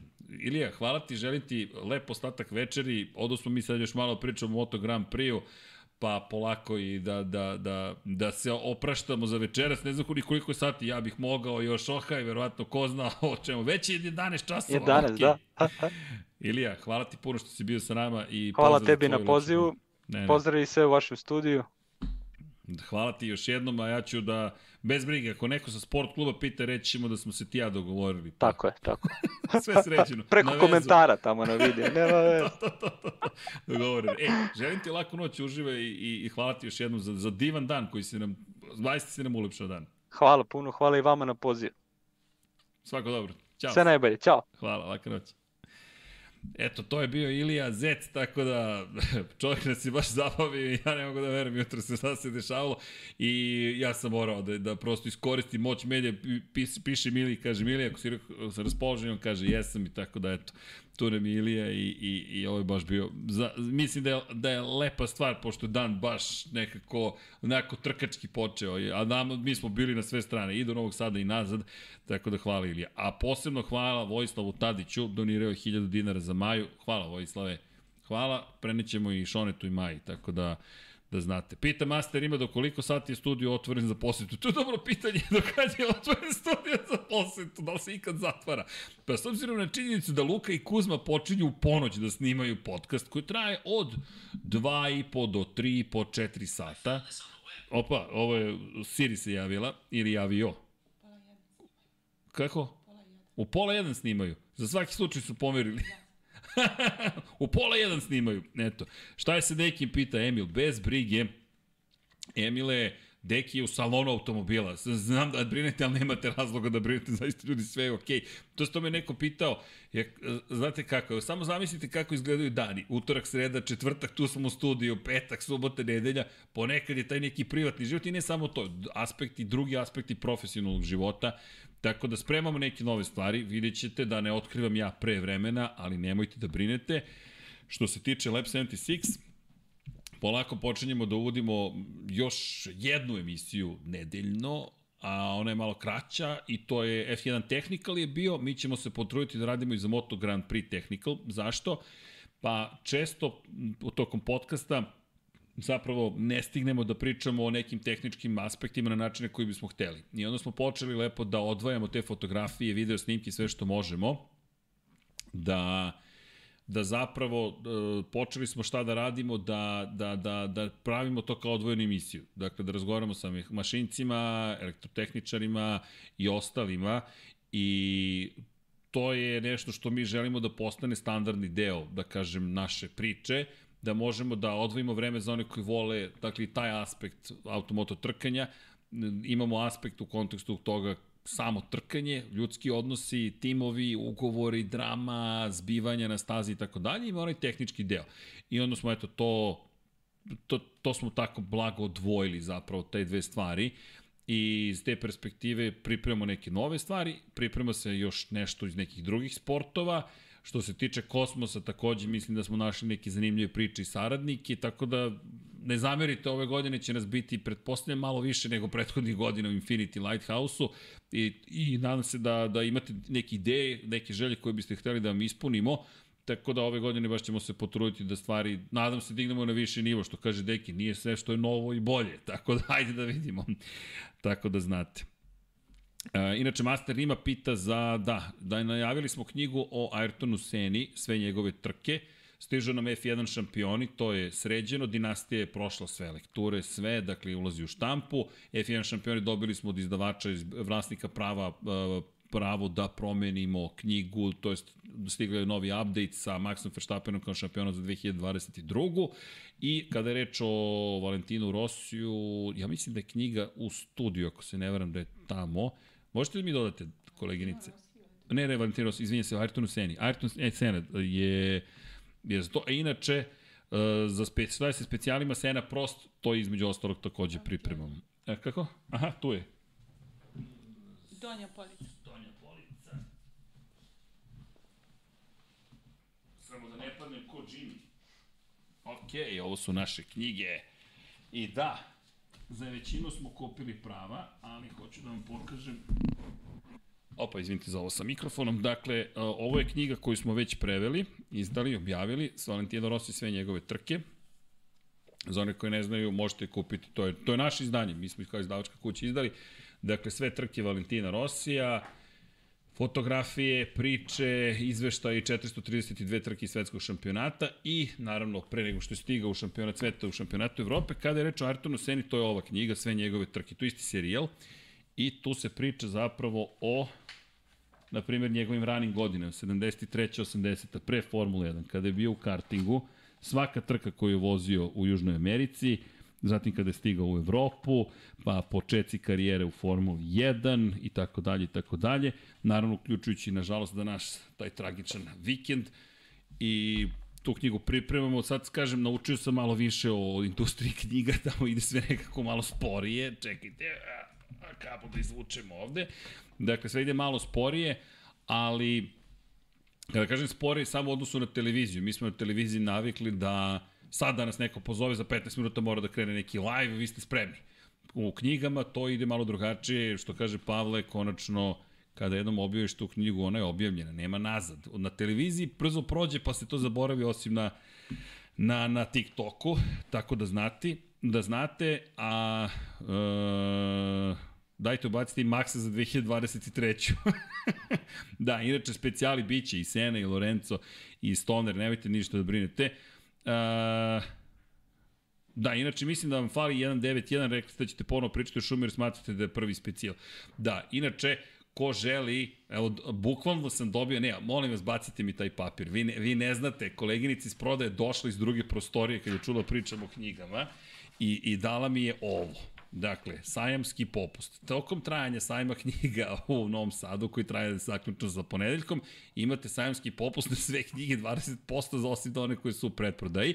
Kada će početi Senad ide u pretprodaju, naučen još nekim novim iskustvima onoga momenta kada knjiga bude dostavljena za štampu u štampariju, mi ćemo početi sa pretprodajem, jer smo shvatili da iz, još uvek postoje stvari koje učimo u toj industriji, tako da izvinjam se za kašnjenja kada je reč o knjigama, ali koliko god ne volim opravdanja, zaista postoji opravdani razlog za to. Inače, s ovo nemojte ništa da brinete, kada je reč o Ayrtonu Seni, čim budemo dostavili grafostilu sve PDF-ove za štampu i oni nam potvrde da je to ušlo u štampu, da njihovi tehničari potvrde ok, onda ćemo staviti knjigu na pre-order da ne bismo došli u situaciju, opet čekamo 1, 2, 3, 5 meseci. Taj stres mi nije potreban. Dobio sam jedno 7 kg samo na Valentina Rosija. Tako da, sad sam ih izgubio, pa ajde da se držimo toga. Ali, čekajte, kaže Baja Aleksandar Drid, Bayern Minhen. Izgubili ste me Aleksandar s Bayern Minhenom, ne kontam, što bi se reklo, jer se nešto tamo dešava. Kad će knjiga o Luisu? Pa, e, kad ode u penziju, dakle, čekamo, gde je najbolje smestiti se na, na stazi Red Bull Ring, pozdrav iz Bjelovara. Svene, gde god za Red Bull Ring, Red Bull Ring, ljudi, Austrija tako dobro funkcioniše, samo je bitno da budete u, u 45 minuta sat od staze. Red Bull Ring je najbolje organizovana staza na kojoj sam ja ikada bio. Dakle, u Italiji preporučujem bih vam da živite pored staze, ali, ali kada reč o nekim drugim stvarima, dakle, kada govorimo o nekim drugim stvarima, Red Bull Ring konkretno možete da budete gde god hoćete. U Francuskoj, na jugu, uh, kada reč o Paul Ricardo, to je malo nizgodnije, ali za Red Bull Ring zaista nemojte da brinete. Nemate mnogo prostora kod Spielberga. Spielberg je malo mesto u Alpima, to, je, to, je, to su više planinska mesta. Predivno je, priroda je predivna, lepo ćete pa, spavati, sveže je noću, preko dana je toplo, uglavnom i mi smo uspevali da stignemo sa, ne znam, 45 km razdalj, udaljenosti bez ikakvih problema i uvek stignemo na vreme. Uh, da vidimo i ajmo na Gas Gas Tech 3 KTM Poli Augusto. Ajmo, ali pre Gas Gasa, ako vam ne smeta, da vam pustimo jedan filmić koji se nadam da će nam dopasti, a tiče se još jedne ekipe koja je prezentovala svoj motocikl. Odgovorit ću na sva pitanja, nego da čisto vidite šta se to sprema, ko je još prezentovao novi motocikl i kako.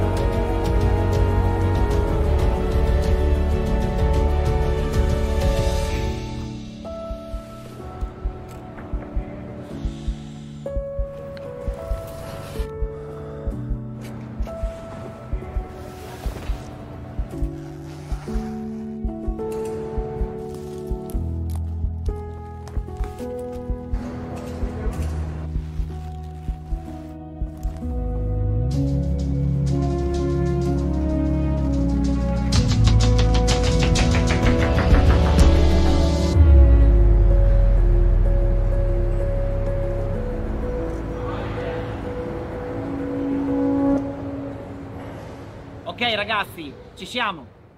Azione!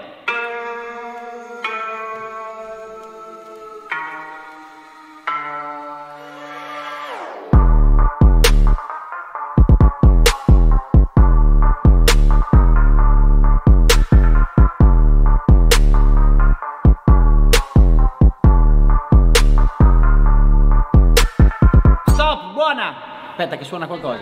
Vai. Il caffè. ne facciamo subito un'altra. Motore.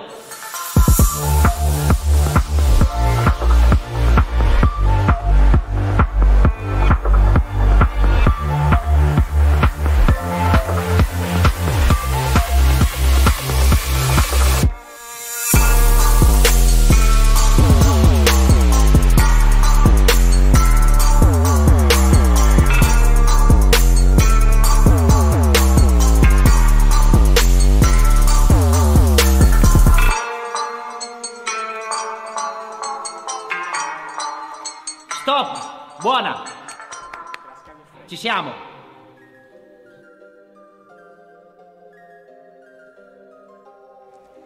Ciao Maro. Ciao Pep. How are you? Ah, good. Thank you. You? Yeah. Not so bad. Very good. Not so bad. Very good. So, what do you think about uh, this new livery? Well, I really like it because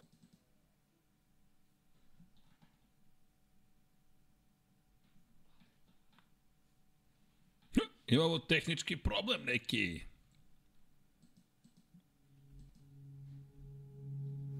Yeah. The biggest Sad ćemo to difference? da sve- Evo ga. well, the connection with gas was the, the main main difference uh, because is now is very precise. Uh, I really like it, but also the aero pack for me was different, so I really like it. Yeah, because you had the the other spec, uh, Yeah, the I- front fairing, yeah, the small I, one. I had the first uh, I had the very big, Okay. and then the, The massive, the, the huge. and then the very small. Okay. Yeah, this is the Beetle. is uh, is very good. Is- yeah, it's also for me is uh, fantastic because I can have a good speed in the straight, uh, but uh, a good agility inside of the corners. So I think uh, we are close to the perfection. Eh? Yeah, yeah, bike. we are very close with this color. Also, Yeah, we are there. Yeah. I want to see some pictures when uh, when we and ride. videos, and videos yeah, also. Yeah, as well. Yes. For sure. After a positive test, uh, what are your expectations for the season?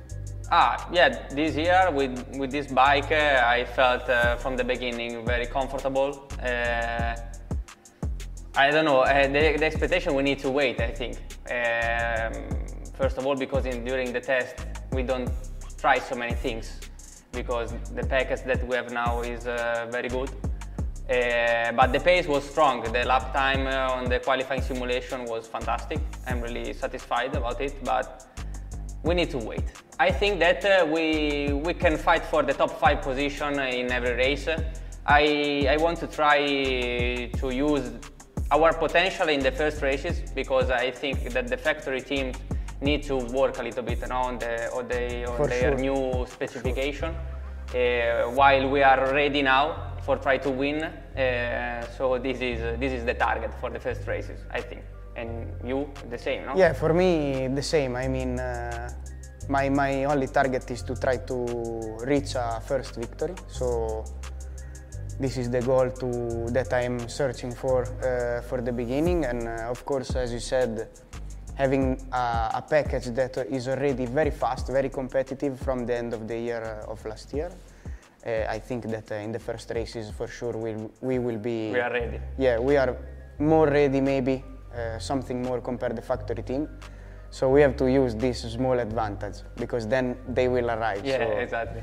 But uh, yeah, I think uh, everyone have the same, almost the same uh, target. Yeah, everybody want to win. Oh. Maro, I think uh, we need to go. Okay, uh, let's go let's and go. let's see our bikes uh, in Portimao. Yeah. Ciao. Ciao.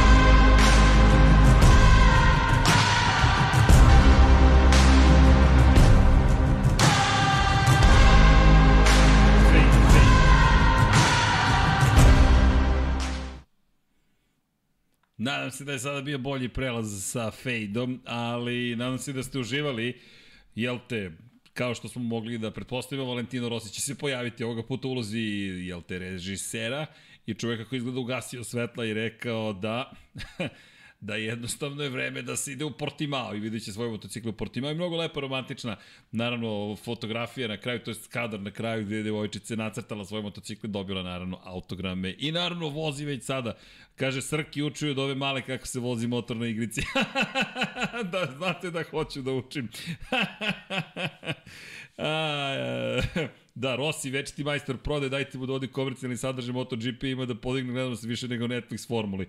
Nije daleko od istine, to ono što Deki priča. Direktor marketinga, direktor marketinga, da vidim da li sam nešto propustio. Škorpija, uf, Muni je opet sponsor. Jeste, Muni je opet sponsor, Ver 46 srca, pošto snimaju po 3 sata Luka i Kuzma svaki dan, pa mogli bismo zaista da radimo jedno cijele nedelje, od prvike podcast da upalimo. Laza Ilić kaže Srke kako je u fizičkom stanju MM po tvom mišljenju mislim da je u prilično dobrom fizičkom stanju na osnovu filmova, dokumentaraca i informacija koje smo dobili iz Malezije od naših kolega koji su tamo, deluje da je najbliže što će ikada biti fizičkoj pripremljenosti posle četiri operacije ruke koje je imao i držimo palče da će biti dobro. Aleksandar Drid, da li Hami ima šansu za titulu? Pretpostavljam gospodin Lewis Hamilton. Ove godine teško, ali da sačekamo i Saudijsku Arabiju, pa da sačekamo Baku, pa da posle četvrte, na primjer, runde tamo počnemo da, to jest i Australiju i Baku, da izlačimo neke zbiljnije zaključke, osim što znamo da je Red Bull došao spreman jel te, u sezonu stigao spreman, a da je Ferrari, nažalost, ponovo povukao neke poteze koje previše potičaju na one pogrešne strane Ferrarija koji je toliko obožavan i s razlogom, a opet tako često pravi neke nevjerovatne greške. Inače, uh, Beceki opet bolji od Marinija sigurno, Master ima. Uf, bit će zanimljivo to videti. Marini je drugačiji, Bec je kao vatra, Marini je, tu su Alex Marquez, zaista Luka Marini kao braća, što Valentina Rosija, što Marka Marquez, baš led u odnosu na vatru koju ima ova dvojica. Ivan Vojsinić ima škorpa, ima da skine bar jednom skalp fabrici 100%. Ja mislim da će obojica da skidaju skalp fabrici. I za 20 godina El Messi je ništa bez doktora. Ko zna, ko zna. Blagoj, Bec ima potencijal da bude šampion, ali ne vidim Bešte i Peko daju mesto fabrici bar nekoliko godina, možda neka druga fabrika. Vidjet ćemo. Vidjet ćemo. Marko još mora da nauči da vozi na stazama koje ne voli, a to je često problem sa njim u kontekstu, ne da, ne, da je loš, nego nije na tom nivou koje je neophodan nosi kad su baš brze, brze, brze, brze staze. Kaže, to bi bilo najlepše u Mućelu, Ivan, da pobedi. Pozdrav iz Sarajevo, Muamer. Pozdrav za Sarajevo. Doktor će zauvek biti u MotoGP-u novinu, znači hoće i tako dalje, tako dalje. I opet italijani italijanskom motoru, već Bec je prvi šampion za Apriliju. Bec je kao beštija. Da li Marquez može konstantno u obe vrste trke i pobjeda na njegovim stazama do šampionata? Jao, ne znam, ljudi, jedva čekam sprint. Iako neka, plaši me sprint iz jedne perspektive, ali s druge strane, hej, to je naša nova stvarnost. Ajmo da vidimo kako će da budu sprint trke i, i ceo vikendi. Mi se već pripremamo što fizički, što psihički za činjenicu da da ćemo imati potpuno drugačiji dan zapravo. Petak, da malo malo više podataka ćemo morati skupljamo petkom, a onda u subotu kakva hiperakcija, dakle za nas ljubitelje Moto Grand Prix-a, to će da bude baš adrenalinski vikend zapravo, iz te perspektive Dorna možda i povraći fantastičan potez, jer ja se neću odvajati, e, e, dakle, komentator sam, pa imam tu sreću da, da komentarišem ono što bih inače gledao, ali da nekim slučajem nisam komentator, verujte, ja, ja bih subotu proveo gledajući Moto Grand Prix, zašto? Kvalifikacije pre pod... Trening broj 3, koje je umesto četvorke, pa kvalifikacije odmah, pa onda pauza kratka kroz kvalifikacije za Moto 3 i Moto 2 i onda trka od 15.00 sprint i onda sutra ujutru. Uf, kako će inače sprint uticati na fantazi, ne znam. E, čekamo da vidim, e, moram da priznati da ne znam da li je fantazi pušten za Moto Grand Prix. Ne, koliko ja znam, Dom, Dom Pablo? Ni, ni, dobro. Dakle, ne znamo ali, ali kada pogledamo Formulu 1, bilo je dosta izmena ove godine. Uveli su bodovanje za preticanja, za, uveli su bodove za valjda u ekipi kad nešto se pozitivno uradi, ali u svakom slučaju, ajde da vidimo šta će da se desi. Predlažem Diđu, oni nako, čekajte, aha, već ste smenili nekoga. Dobro. E da, koga će Srki ove godine da uništi kao prošle sezone Dovija? Evo, napravit ću svoj lik. E da, imam potpis. Kako vam se ovo dopada? za motocikl, uh, jel te, svi imaju pozadi Bec, Škorpija i tako dalje, ja sam sebi nacrto komentator. The commentator. A, šta, kako vam to zvuči? Ovi iz Dorne se nisu oduševili kad sam im poslao fotku. Rekli su, what? Ali dobro. Idemo dalje. Elem, uh, spremni, inače, ako ste pravi ljubitelji Moto Grand Prix-a, onda je sledeća poruka posebno pripremljena samo za vas. Dakle, ako ste gledali šta se, do, do, do, šta se događa, jel te, na još nekim mestima, razumete, vreme je za To, to, ajmo da vidimo. Dakle, samo za ljubitelje Moto Grand Prix-a, specijalno za vas. Gde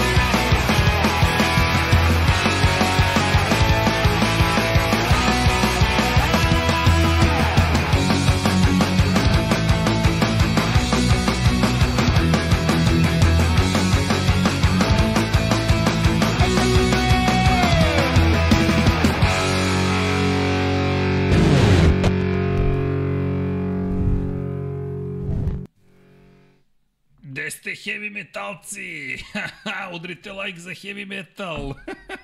Punkere, šta god da su. Ajmo, ovo je bio hardcore. Nije, ovo je punk, upravo. Ne znam ja šta je ovo. Ali je bilo dobro. Neko nam je ušao u studio. Ko nam je stigao? Pola 12. Ko? Miksa. Stigao je Miksa. Gas Gas Punks. Eto, ja ono što mogu da primetim kao, kao rekao bih, pravilnik, zakonitost u ovim pripremama za novu sezonu. Ljudi, meni su sve prezentacije, osim Ducatija, klasično od, odvođenje na Madonu di Campilju, podržavam svake godine, nemam nikakav problem da provedem tri dana na planini o trošku ekipe iz Bolonje, ali ono što želim da kažem jedno jeste posebna stvar, a to je da su privatni timovi, satelitski timovi, fabrički timovi, sa fabričke timove pojeli sa prezentacijama. Ljudi, Lučić i Kinjelo za mene čista pobeda, dakle priča, snovi, Alex Rins, ludilo. Zatim Ver 46, ej, Valentino Rossi kao režiser, momci su se pojavili, kako ti se sviđaju boje, šta je bilo, kako je priča. I onda gas gasovci koji su on, full gas adrenalin, ba, bu, bu, bu, bu, bu, bu, bu, bu, bu, i to je to. Fantastično. Potpuno oduševljenje. Ako je ovo najava sezone, čekajte gde su, udrite like za ove privatnike, ovu ekipu, šta su radili. Ja mislim su se, sa, sa, da su ovim prezentacijama pojeli bukvalno fabrike. Ne znam da li delite moje mišljenje. Evo, stavit ćemo jedan upitnik, anketa koja kaže da li su da li su bolje prezentacije privatnih timova u odnosu na fabričke ove godine u MotoGP-u. Eto, to je pitanje privatnih timova. Ako ovo sluša na podcast platformama, pa posetite YouTube, ali evo pitanje za vas, dakle, pa eto, imate priliku da odgovorite, da li se slažete. Da, dakle, samo da su dodali kako voze top. E, pa Kadu, to smo videli u, u, u Malezi. To je ono što je čudno kod, kod Moto Grand Prix. U Moto Grand Prix prvo dobijete motore, onda dobijete prezentacije sponzora, boja i svega ostalog. Još se pregovara sa sponzorima, je vidi, kreće sezona, mart 26. blizu, ajde potpiši ugovor i tako dalje, čekaš prezentaciju. I naravno, s druge strane, imate celu tu situaciju u kojoj smo mi motore već videli zapravo. Tako da nema tajni. Nije kao sa Formulom 1 gde se Max Verstappen u Red Bullu RB19 pojavio od prvi put u Bahreinu ili Alfa Tauri. Mi te bolide nismo videli na prezentacijama, nego farbu koju će koristiti te sezone. Ovo je onako suprotno.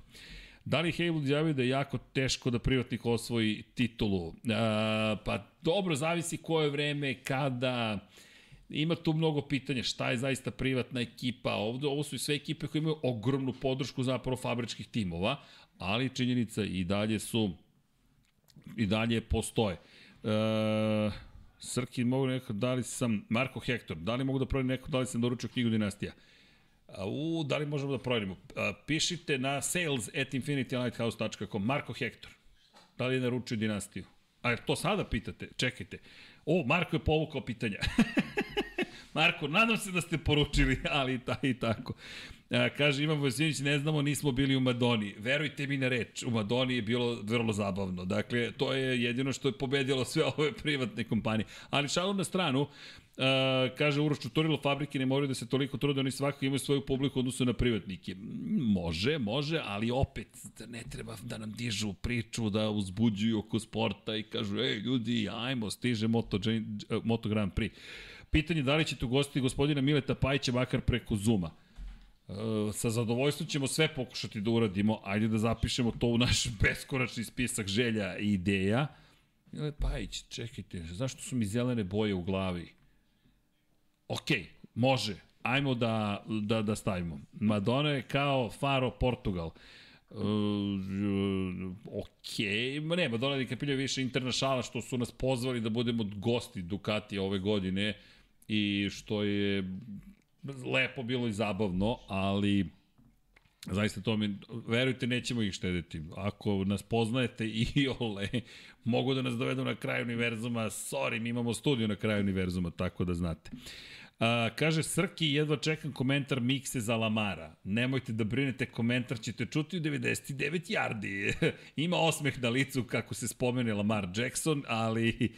A, El Mesija kaže zbog majice Srki. Šta, šta, šta zbog majice? Nisam pohvatao El Mesija sad, možda sporije mi radi. A, čak, čak, Srki, aha, A, majica, majica je, haha, zeleno zbog majice, da, okay, moguće. To je dalje, i dalje u čast Alonsa, nosimo u majicu. A, Master ima jedini Srbin koji vozi u svetskom šampionatu. Um, moram da, ima, ima tu, Uh, im, ima, ajde da sad, moram da proverim niže kategorije, zato što je Tomo svojevremeno takođe imao nekoliko prijavljenih takmičara, ali proverit ćemo. Vozio je pobedio Kevina Švanca. Master ima ajde da ostanem dužan tačan odgovor, ali to je značan odgovor za pitanje kada bismo mogli da organizujemo. Deki ja imamo neke želje koje smo već, o kojima smo pričali, tako da bez brige potrudit ćemo se. Ali da ne obećam, pošto ne znam da li će čovjek pristati, čak i koliko ga, koliko, a mi ćemo rado da odimo do njega. Ne mora Zoom, šta studij na kraju univerzuma, spakujemo sve u kombi i idemo. Inače, Darko Trajković, na kojim trkama MotoGP ćete biti na stazi ove sezone? Darko, trebalo bi da budemo u Portimao, ali ne znam još tačno da li ću biti ili neću biti. Javit ćemo vam tačno, tako da čim saznam da li zaista idemo u Portimao, ja, ja vas informišem. Ali Portimao, Saxon Ring, bi trebalo Red Bull Ring, zatim Le Mans, um, Valencija gotovo sigurno, Aragon je bio u planu, ali Aragon je skinut sa, kako su ga mi stavili na spisak trka koje posjećamo, skinuše ga sa kalendara i trebalo bi, ako sve bude ok, možda da budemo u Americi i Australiji. Ali, ajde da vidimo. Evo, Master ima, kaže, do duše za osmo mesto. Tomas imao timu 50 kubika, se ne vram. Pa da, to, to, ne zamerite, ne mogu tačno da se setim svih tih trka, ali mislim da je to. Uh, A, Luka kaže, u 90 yardi, 9 yardi ovu nedelju ima za šta da se priča, da čekam, Danny Dimes uzeo 40 milja, Džanci se bave nekim, a, opu, re, Džanci su se opustili previše, tako ću da prevedem vašu rečenicu. Ali dobro, tako da, ajde da se potrudimo. Inače, 86% kaže da, ali samo 37 ljudi je glasalo. Ajte ljudi, malo u glas. Danny treba u zatvor za ovu pljačku što je odradio. Miksa ovde 99 yardi upala ekipa. Dominir, hoćeš da mi se pridružiš? Evo, evo ovo vam je, ovo vam je sad Miksa Mix. Jesi, bil pratiš Moto Grand Prix Miksa? Ne. ovo je inače naš eh, dragi prijatelj Miksa, ali ne, o, mi ovo, jel te, ovo je cijela ekipa drugara koja se okupila. Hoćeš da odgovoriš na ovo? U petak. U petak, tako Ljudi, odgovorit će u petak. U petak na sve odgovaram. Do tada nećemo, nećemo se trošimo. Kako da te navučemo da pratiš MotoGP? Ima Nema šanse. Nema šanse. Nema šanse. Zbog vremena ili tako prosto? Je, tako je. A trkanje je li ti ikad bilo Ne. Ne. Kad ja vozim, da. Ja. Dobro, preživio se jednu seansu. Jesam. Izašao sam ceo. Stigli smo odavde do Novog Beograda za 4 minuta kao što sam obećao. Sve je bilo Čekaj, u redu. bilo je jako. Ali da. realno bilo je. Bilo je baš dobro. I, I sve smo stigli na vreme. Tako je. Pazi, ušli ovde, teleportovali se. Sve što sam obećao, ja sam ispunio. Eto, tako ja volim trkanje. Ovaj, a što se, i, i bajsa volim da divljam, to, to volim. Tako da... Svi koji imaju bajs vole da divljaju, meni su ga ukrali, ali i ja volim da divljam na bajs. Da. Ali ovako Povuči. da pratim, nema, nema se vremena. Znači, pored posla, pored, pored svega i, i svih sportova koje već pratim da dodam još nešto, tačno bi riknuo. Evo i vidite po, po mojoj boji glasa, čujete po mojoj boji glasa, vidite po boji moje kože da je samo pitanje vremena kada ću da utonemo sam. da će biti prvi dodir. Evo, sa- kaže El. Mesija, tebe sad mučimo kao što smo mučili Vanju. Šta mu nije ovo mučenje? Daleko to. Tako je, miksa, Daleko ljudi, to. ovo je, ovo je, ovde žurka traje. Mučenje je bilo izvaditi ključ iz brave koje... to je bilo mučenje. Tako da, saznaćeš vrlo brzo. Brava je gotova. Da. Ni Tito je ne bio pravi. to je miksirano raspoloženje. E, pa najzad da nam budeš u Lab 76. Eto, eto. Jer makar voziš u igricama. Ne. A, uf. Dao si mi onu igricu iskreno kad sam vidio da je ono solo player, morio sam. Znači Anđela ja se taman zagrali da se trkamo. Čekaj, sad imaš multiscreen. Pa na kom Sonyu? Ima na četvorci. Ima na četvorci. Ima na četvorci. Vidi, stiže nam 23 uskoro, dajem ti 22. Eto. Hoćeš motor ili Formula 1? Samo da mogu da se igram s nekim, ne mogu da se igram sam. Anđela samo peglao Mortal Kombat. Ko šta radi, na... Ništa, Anđela, a, jel Anđela hoće snima podcast o igricama? Ma deo ono, bre. Mi smo oni uh, radnički par. Working Evo, znaš da smo se videli sad na, na pola sata, eto, to, to, Pa, to, da, to, je to. taj- E, čao, znamo se. Kao. To je taj bračni život. O, srećan 8. marta, evo večericu. E, u, to sam zaboravio. I jao, srećan, ne 8. mart. Nisi rekao. E, ali znaš zašto ne? U, E, ode Ducati. sram te bilo. ode Ducati. A ti si taj emotivni lik koji o svemu misli. Je bio sajamski popust za dame za 8. mart. E, sanski popust je inače. Ali vidi, samski, ne, ne, ne, ne, to ti je da u duhu uh, Luisa Carrolla, dakle, sreće vam ne 8. mart. Zašto? Svaki je vaš dan. Evo, koleginica Dobro, s ja prode to- nije dobro. Ja to uvek, ja to uvek napomenem. Tako je. Kaže još Deki da bude u 99 yardi i krug je kompletan. Dobro, on je trebalo da bude. kad- Trebalo je, ali nisu su ušli u Super Bowl, tako je. E, Dogovor je bio. Inače, e, čekaj, čekaj, čekaj. Strki, šta misliš koliko će Mark izvući iz te Honda i dok on može, da li treba da traži drugog podizjača ako ne uspe do titule sa Hondom?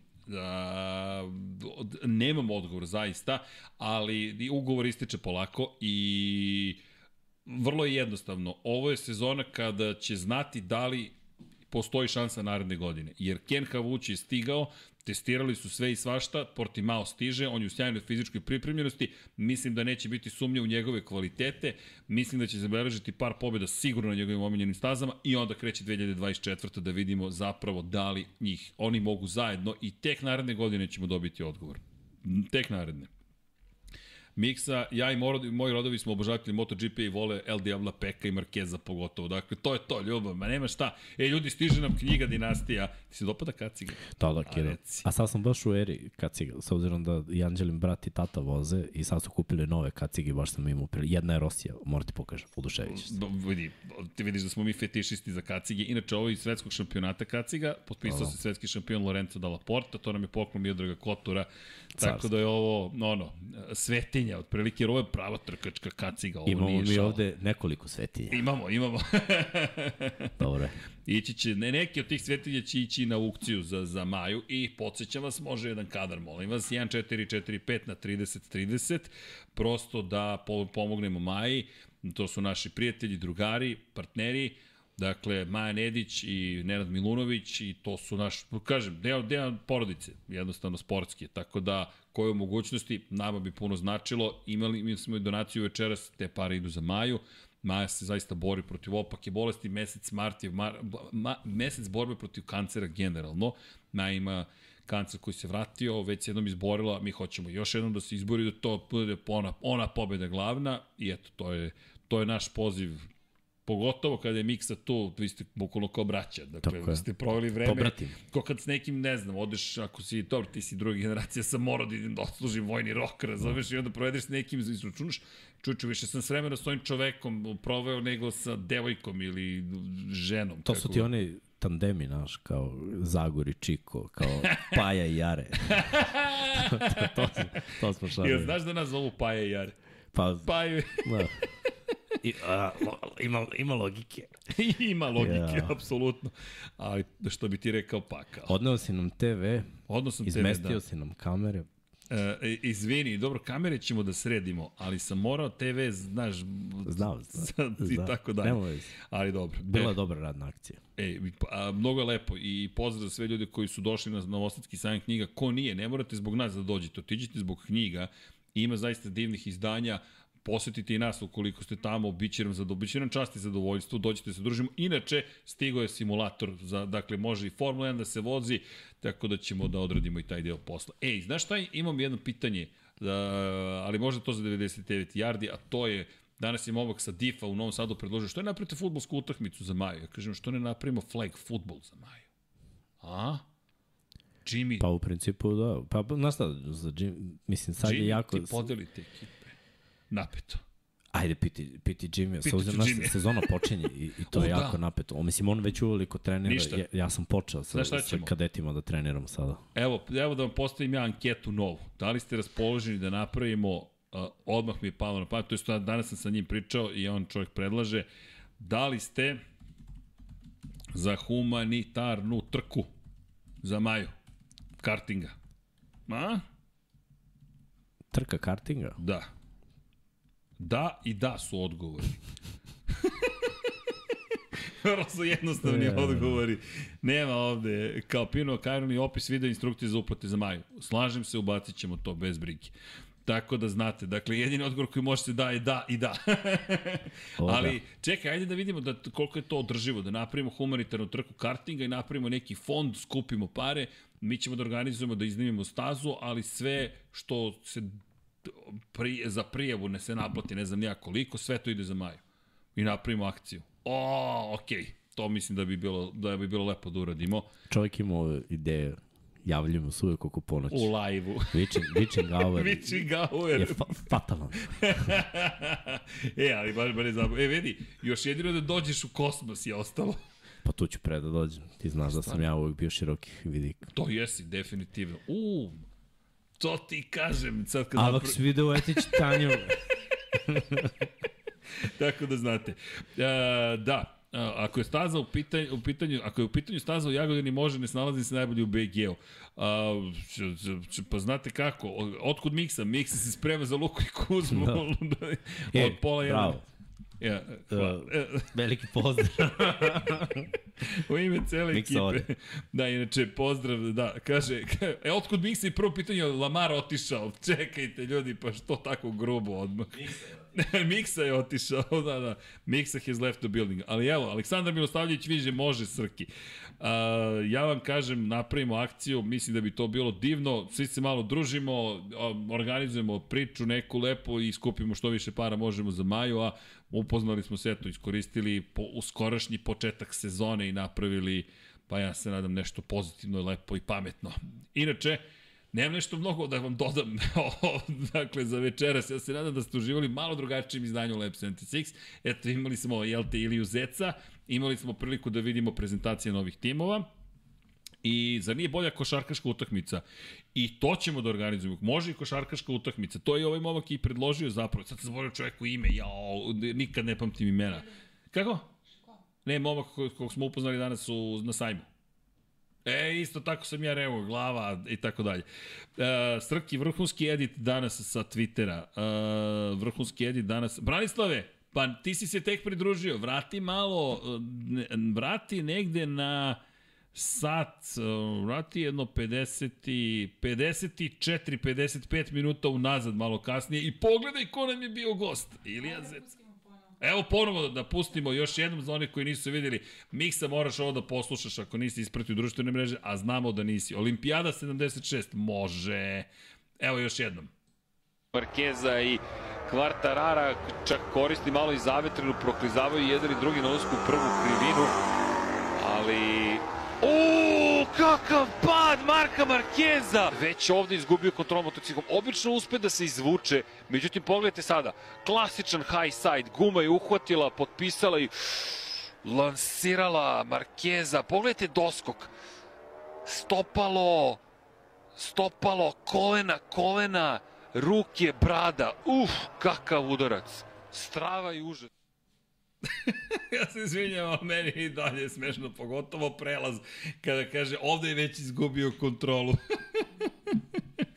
Vlada kaže, Hrstavki, hvala za potpis i tebi, Deki, na knjizi o Mihajlu na sajmu. Ma, hvala vama, ljudi, za sve što, što nam pružate od podrške i Branislave, svi se smejemo ceo dan, čovek je napravio ne, fantastičan edit zapravo, tako da ne možemo da se ne smejemo. Ali to je naravno pre onog njegovog prvog pada. Inače, evo, prognoza za sprint pobednika, za sprint pobednika u Portimao. Jao, ne ovako. Uf, čekajte, sprint. Mm, tink, srđan, tink, eat the pudding, eat the pudding. Um, na sprintu ko će da pobedi? E ovako, imam sad invertnu pobedu zapravo u odnosu na ono što sam prvobitno mislio. A ovo će sada da bude, ovo je malo onako e, iz nebuha, ali mislim da će da pobedi Banjaja u sprintu, a Bastianini u glavnoj trci. Eto, pa da vidimo. Znam, svi kažu Miguel Oliveira, ali polako, polako, polako. Da, laku noć svima, kaže El Mesija, laku noć, želimo vam prijatno veče i da vam bude lepo i mirno i sanjajte Moto Grand Prix. Evo, kaže Zarko Bešti. A evo, vi recite u komentarima ko će da pobedi. Evo, kao što je Jopa ZG napisao bez Bec Marquez, vi napišite ko pobeđuje u sprintu, ko pobeđuje u glavnoj trci, pošto nemam toliko opcija, a i trenutno glasamo da li da održimo humanitarnu akciju za Maju. A to su odgovori da i da. Pa eto, u četu ili ukoliko ovo gledate u odloženom snimku, u komentarima upišite za koga vi tipujete da će da pobedi. Imaćemo fantazi s tim što... Um, evo, najbolje organizujete trku kartinga. Filipe, i karting ćemo da organizujemo trku, to smo već rekli, i napravit ćemo košarkašku akciju. Eto, to su nam cilj. Sad ću da zovem, sad znam koga ću da zovem, sutra da pitamo za karting. Dobro, evo, već se hvataju ovde za glavu. Šta da im radim ja? Sami ste hteli da se družimo, nisam ja kriv za sve za ovo što se događa. Da, da, e da, Zarko ako pobedi u sprintu, pita Vlada, je li to isto važi za salto? Odlično pitanje, ajde da ga pitamo. Ako budemo u Portimao, pitaću ga, Joan, if you win the sprint race, will you do the somersault, ne somersault, kako se ide, uh, backward flip, dobro, pa ajde, pitaćem. A, gde će moći da se prate testiranja? Pretpostavljam da ovo bio u kucanju, prate testiranja. Pa, ne znam da li ćemo, mi ćemo biti na sajmu knjiga tokom vikenda, ajde da vidimo da li ćemo moći neko, pa ne možemo uključenje da napravimo kako doliko, mnogo tamo bučno, ne može da se uradi posao, a, a želimo da budemo prosto na sajmu knjiga da ispuštujemo posetioci, ljudi, generalni organizatore, pa i nas same, tako da ćemo subotu i nedelju tamo. Prosti, ovo subotu i nedelju su inače testiranje u Portimao. To je što ove subotu i nedelju. Kako? Da, inače Deki dolazi u nedelju pre podne, tako da ne brinite, Deki je tu, Vanja je tu, Miksa je tu, svi smo tu. Samo je pitanje šta ćemo sve da radimo tokom ove godine, a Miksa već priprema V6 limenke sponzora Luke i Kuzme. Sprint MM trka Oli. To je master Rima. Ajde da vidimo. Ej, pogledajte Olin ukoliko možete. Ima mnogo dobra priča kako je Alex Marquez zapravo morao da prihvati takozvani old hand. Matori Mark Marquez, prema rečima njegovog mlađeg brata, kako mu je prodao zapravo uh, promenjenu putanju prolaska kroz poslednju krivinu u Portimao za šesto mesto i Alex nije mogao da ga napadne na startnom ciljnom pravcu. E, da li sam proverio za Moto 4? Izvinjavam se, Master Rima, nisam, ajde ovo sebi da upišem sutra ujutru za, za, za, za, za, za, za proveru. Evo, pišem sebi za Moto četvorku i javit ću vam da li će toga biti ili ne. Tako da znate. Javljam, oprostite Master Rima, što sam vas izneverio, to jest nisam pitao. Izvinjavam se. Uh, da, Harvoj Mršić, da li se po vama isplati MotoGP video pas? Ja moram da ga imam, jer jedino je to jedini način da dobijem sve informacije koje su mi neophodne. Dakle, i to je to je ne, nešto što što je sastavni deo mog posla. A evo da vam kažem šta dobijete sa video pasom.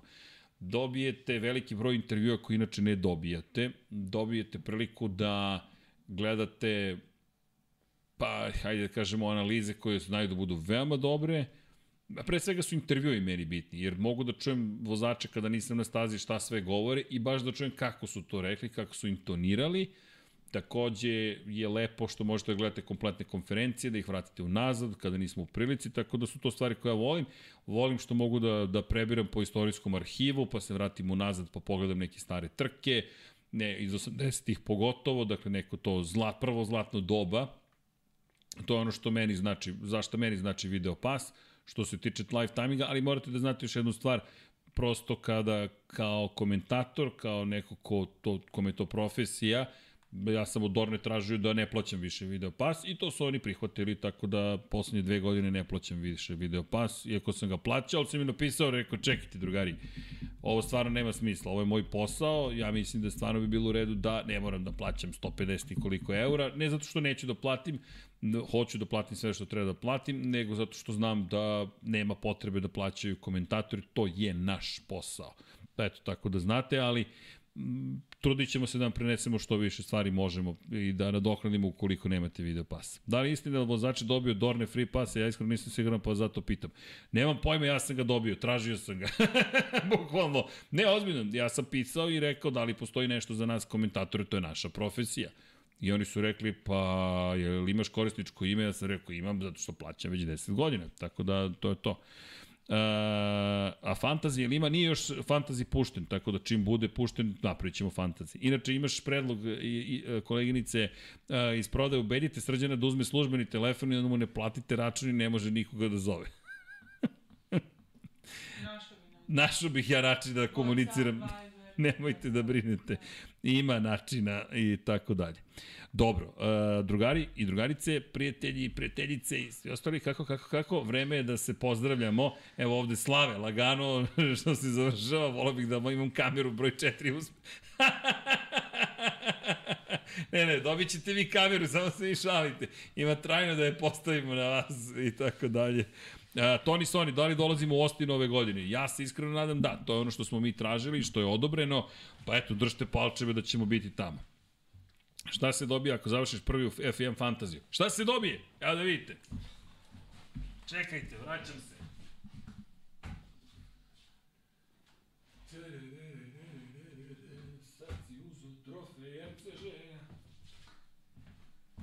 Šta se dobije? Kako šta se dobije? Dobije se pehari, dobije se poseta studiju na kraju univerzuma, koji inače možete da posetite i ovako, samo da navratite. Ali, kaže, Master Blan, Šejla Čebirić, šampion Lab 76 Formula 1 Fantasy Lige 2021. godine. Dakle, to je prvi trofej.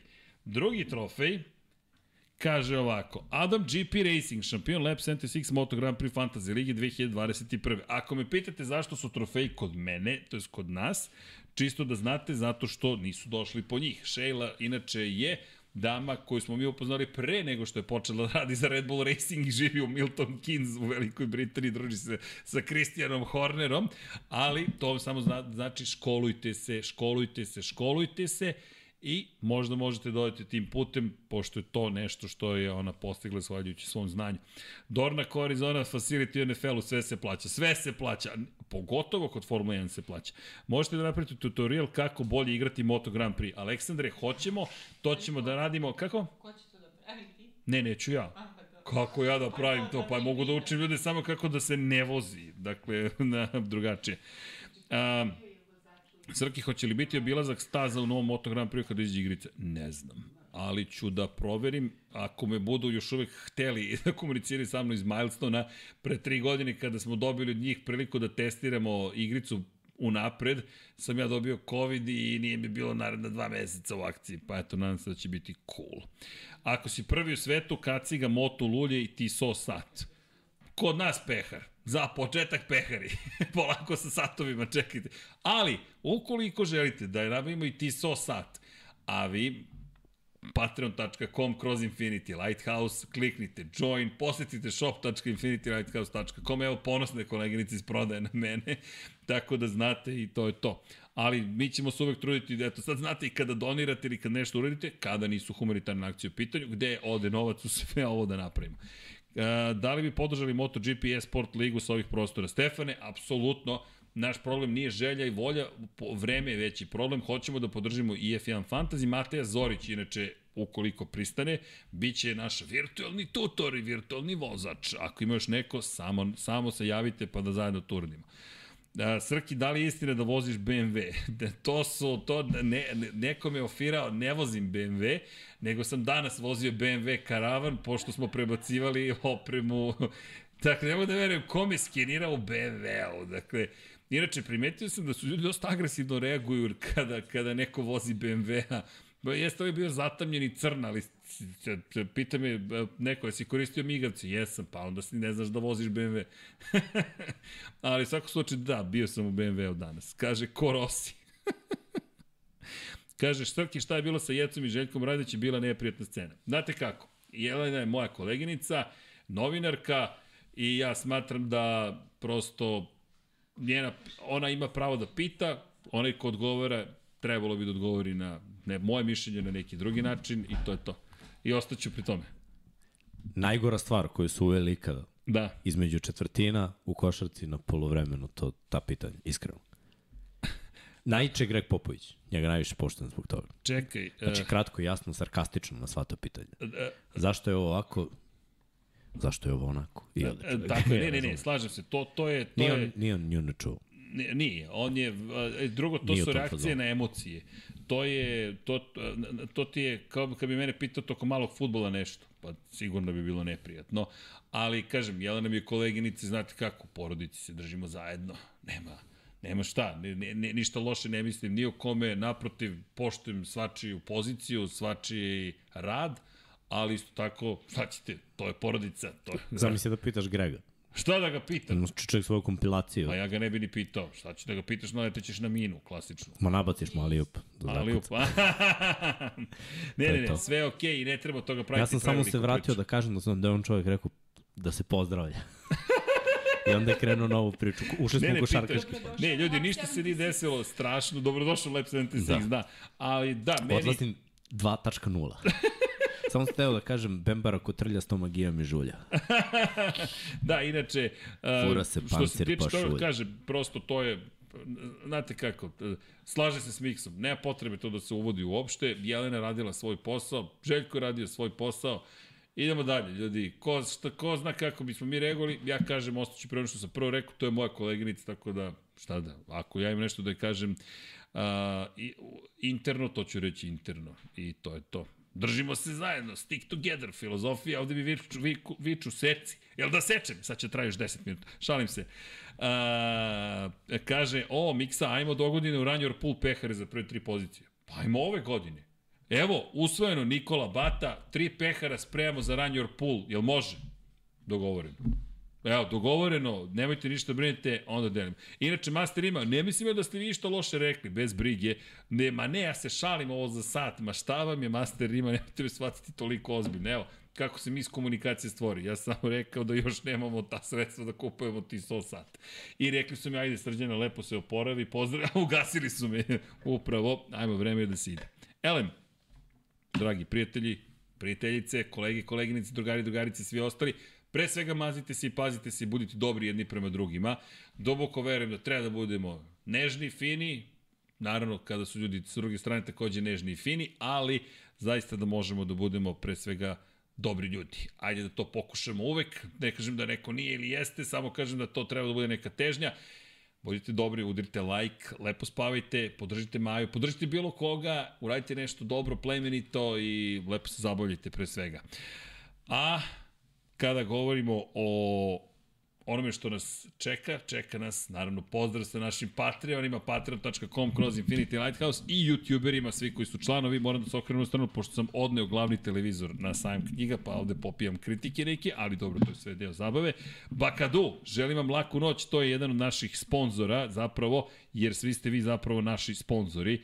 I Bakadu, koliko puta sam izgovorio Bakadu, ne znam ni ja sam, ali ću sada izgovoriti to ponovo. Tako da znate. Inače, pritaj Frankija Morbidelija za sat. vlada, vlada mi je povukao neku poruku, ali mislim da je nešto napisao na kontu toga da li se stidi ili ne. Idemo.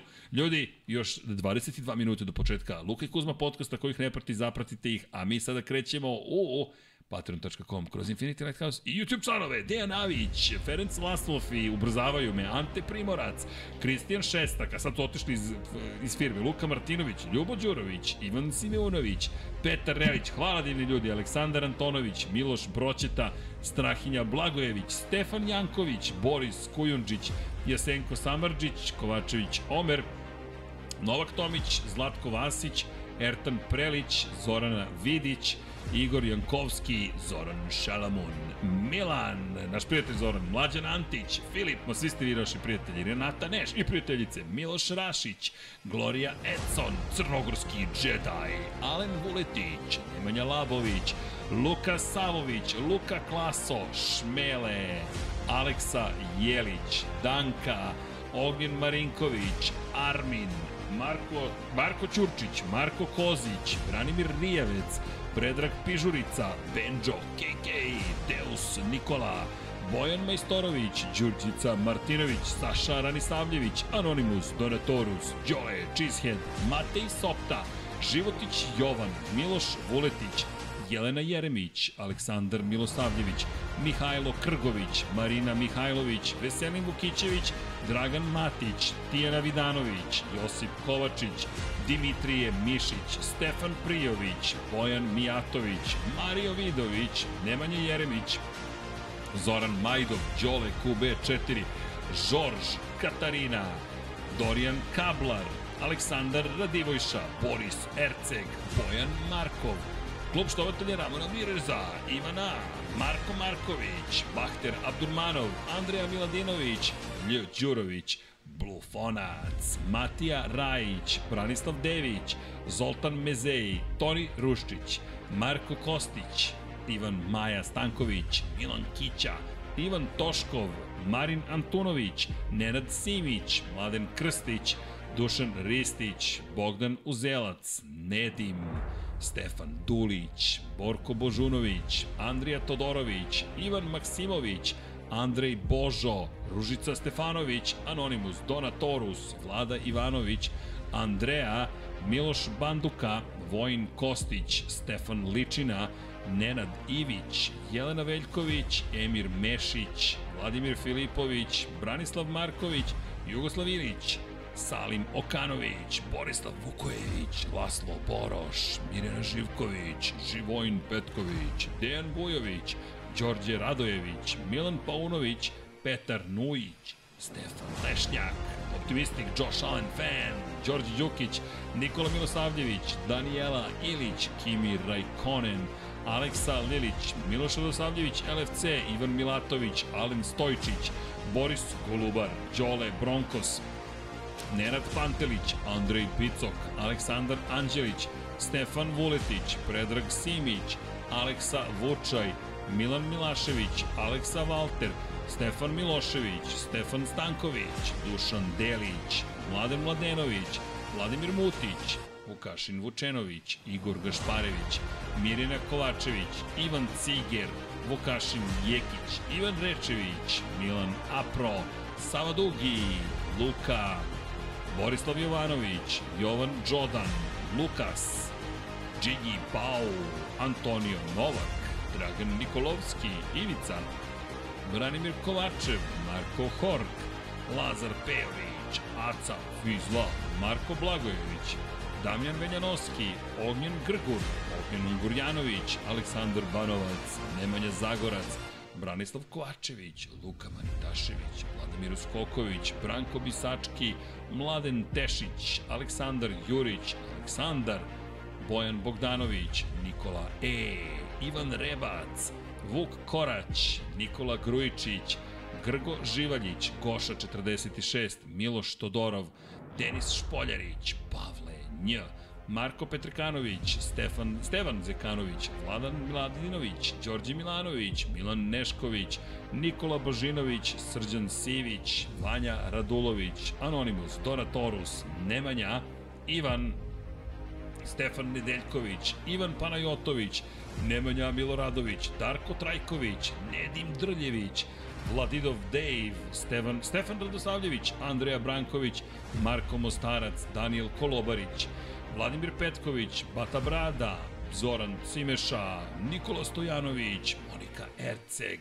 Matija Binotto, Igor Vučković, Sead Šantić, Stefan Vidić, Boris Gvozden, Jasmina Pešić, Mihovil Stamičar, Nedo Lepanović, Da žena ne sazna, Učinić Miroslav, Žarko Milić, Đorđe Andrić, Neđo Mališić, Miroslav Cvetić, Lazar Hristov, Dušan Petrović, Nenad Đorđević, Dejan Đokić, Jugoslav Krasnić, Marko Bogavac, Jelena Mak, Nemanja Cimbaljević, Bojan Markov, Ljena Milutinović, Marina, Ivan Magdelinić, Bojan Gitarić, MS13, Igor Ninić, Ivan Vincetić, Ivan Vujasinović, Marko Bogavac, Aleks Volović, Toleador, Almir Vuk, Jelena Jeremić, Vlada Ivanović, Mensur Kurtagić, Aleksandar Nikolić, Krorobi 00, Omer Sarajlić, Milanka Marunić, Nemanja Miloradović, Voča Pero, Vladan Đurić, Milorad Reljić, Vladimir Subotić, Dinstero, Đera 7, Kosta Berić, Škundra, Josip Buljovčić, Miloš Zed, LFC, Tatjana Lemajić, Vojislav Tadić, Pavle Lukić, Bojan Pejković, Nemanja Bračko, Aleksandar Kockar, Milan Knežević, Nikola Božović, Drago Veković, Vuk, Digi Regi, Resničanin, Miloš Stanimirović, Nikola Vulović, Oliver Nikolić, Igor Ilić, Almedin Ahmetović, Branislav Dević, Uroš Čuturilo, Ivana Vesković, Mortal Kombat, Marko Stojilković, Korespondent, Korespondent, Đorđe Janjić, Dejan Plackov-Plackov, Aleksandar P, Dejan Janić, Galeksić, Anonimus, Donatorus, Maxi, Nikola Kojić, Domagoj Kovač, Ivan Božanić, Uroš Ćosić, Koja 7, Nemanja, Alen Jesenović, Ivan Hornjak, Zlatko Marić, Saša Stevanović, Nikola Grđan, Nikola Niksi, Marakos, Petar Bijelić, Toni Soni 76, Bakadu i Vukašin Vučenović. Bakadu, predposlednji ovoga puta. Srkić izgleda, čit, izgleda čitati imena dok ne dođu do 1000 imena. Ma ima da je čitam ako ih je 3000, ako sada ima 300 traje 8 minuta, znači 20 minuta čitanja imena. Neka bude tako, bit će to lepo. Mateja Binoto nije dobio otkaz. Uh, Matija Binoto, kod nas nije dobio otkaz. tako da znate. I tako da uh, pehari su prelepi. Tako je. Uh, ljudi, želim vam laku noć i nadam se da ćete uživati u onome što tek sledi na kanalu Luka i Kuzma, ali što se tiče Infinity Lighthouse-a, budite dobri, mazite se, pazite se, udrite like i naravno želim vam sve najlepše. 3, 2, 1, Ćao svima! Ko kaže da sa električnim pogonom nema avanture? Ko kaže da se avantura prekida radi punjenja? Novi Nissan X-Trail sa e-Power tehnologijom. Jedinstveno elektrifikovano iskustvo koje ne zavisi od punjača.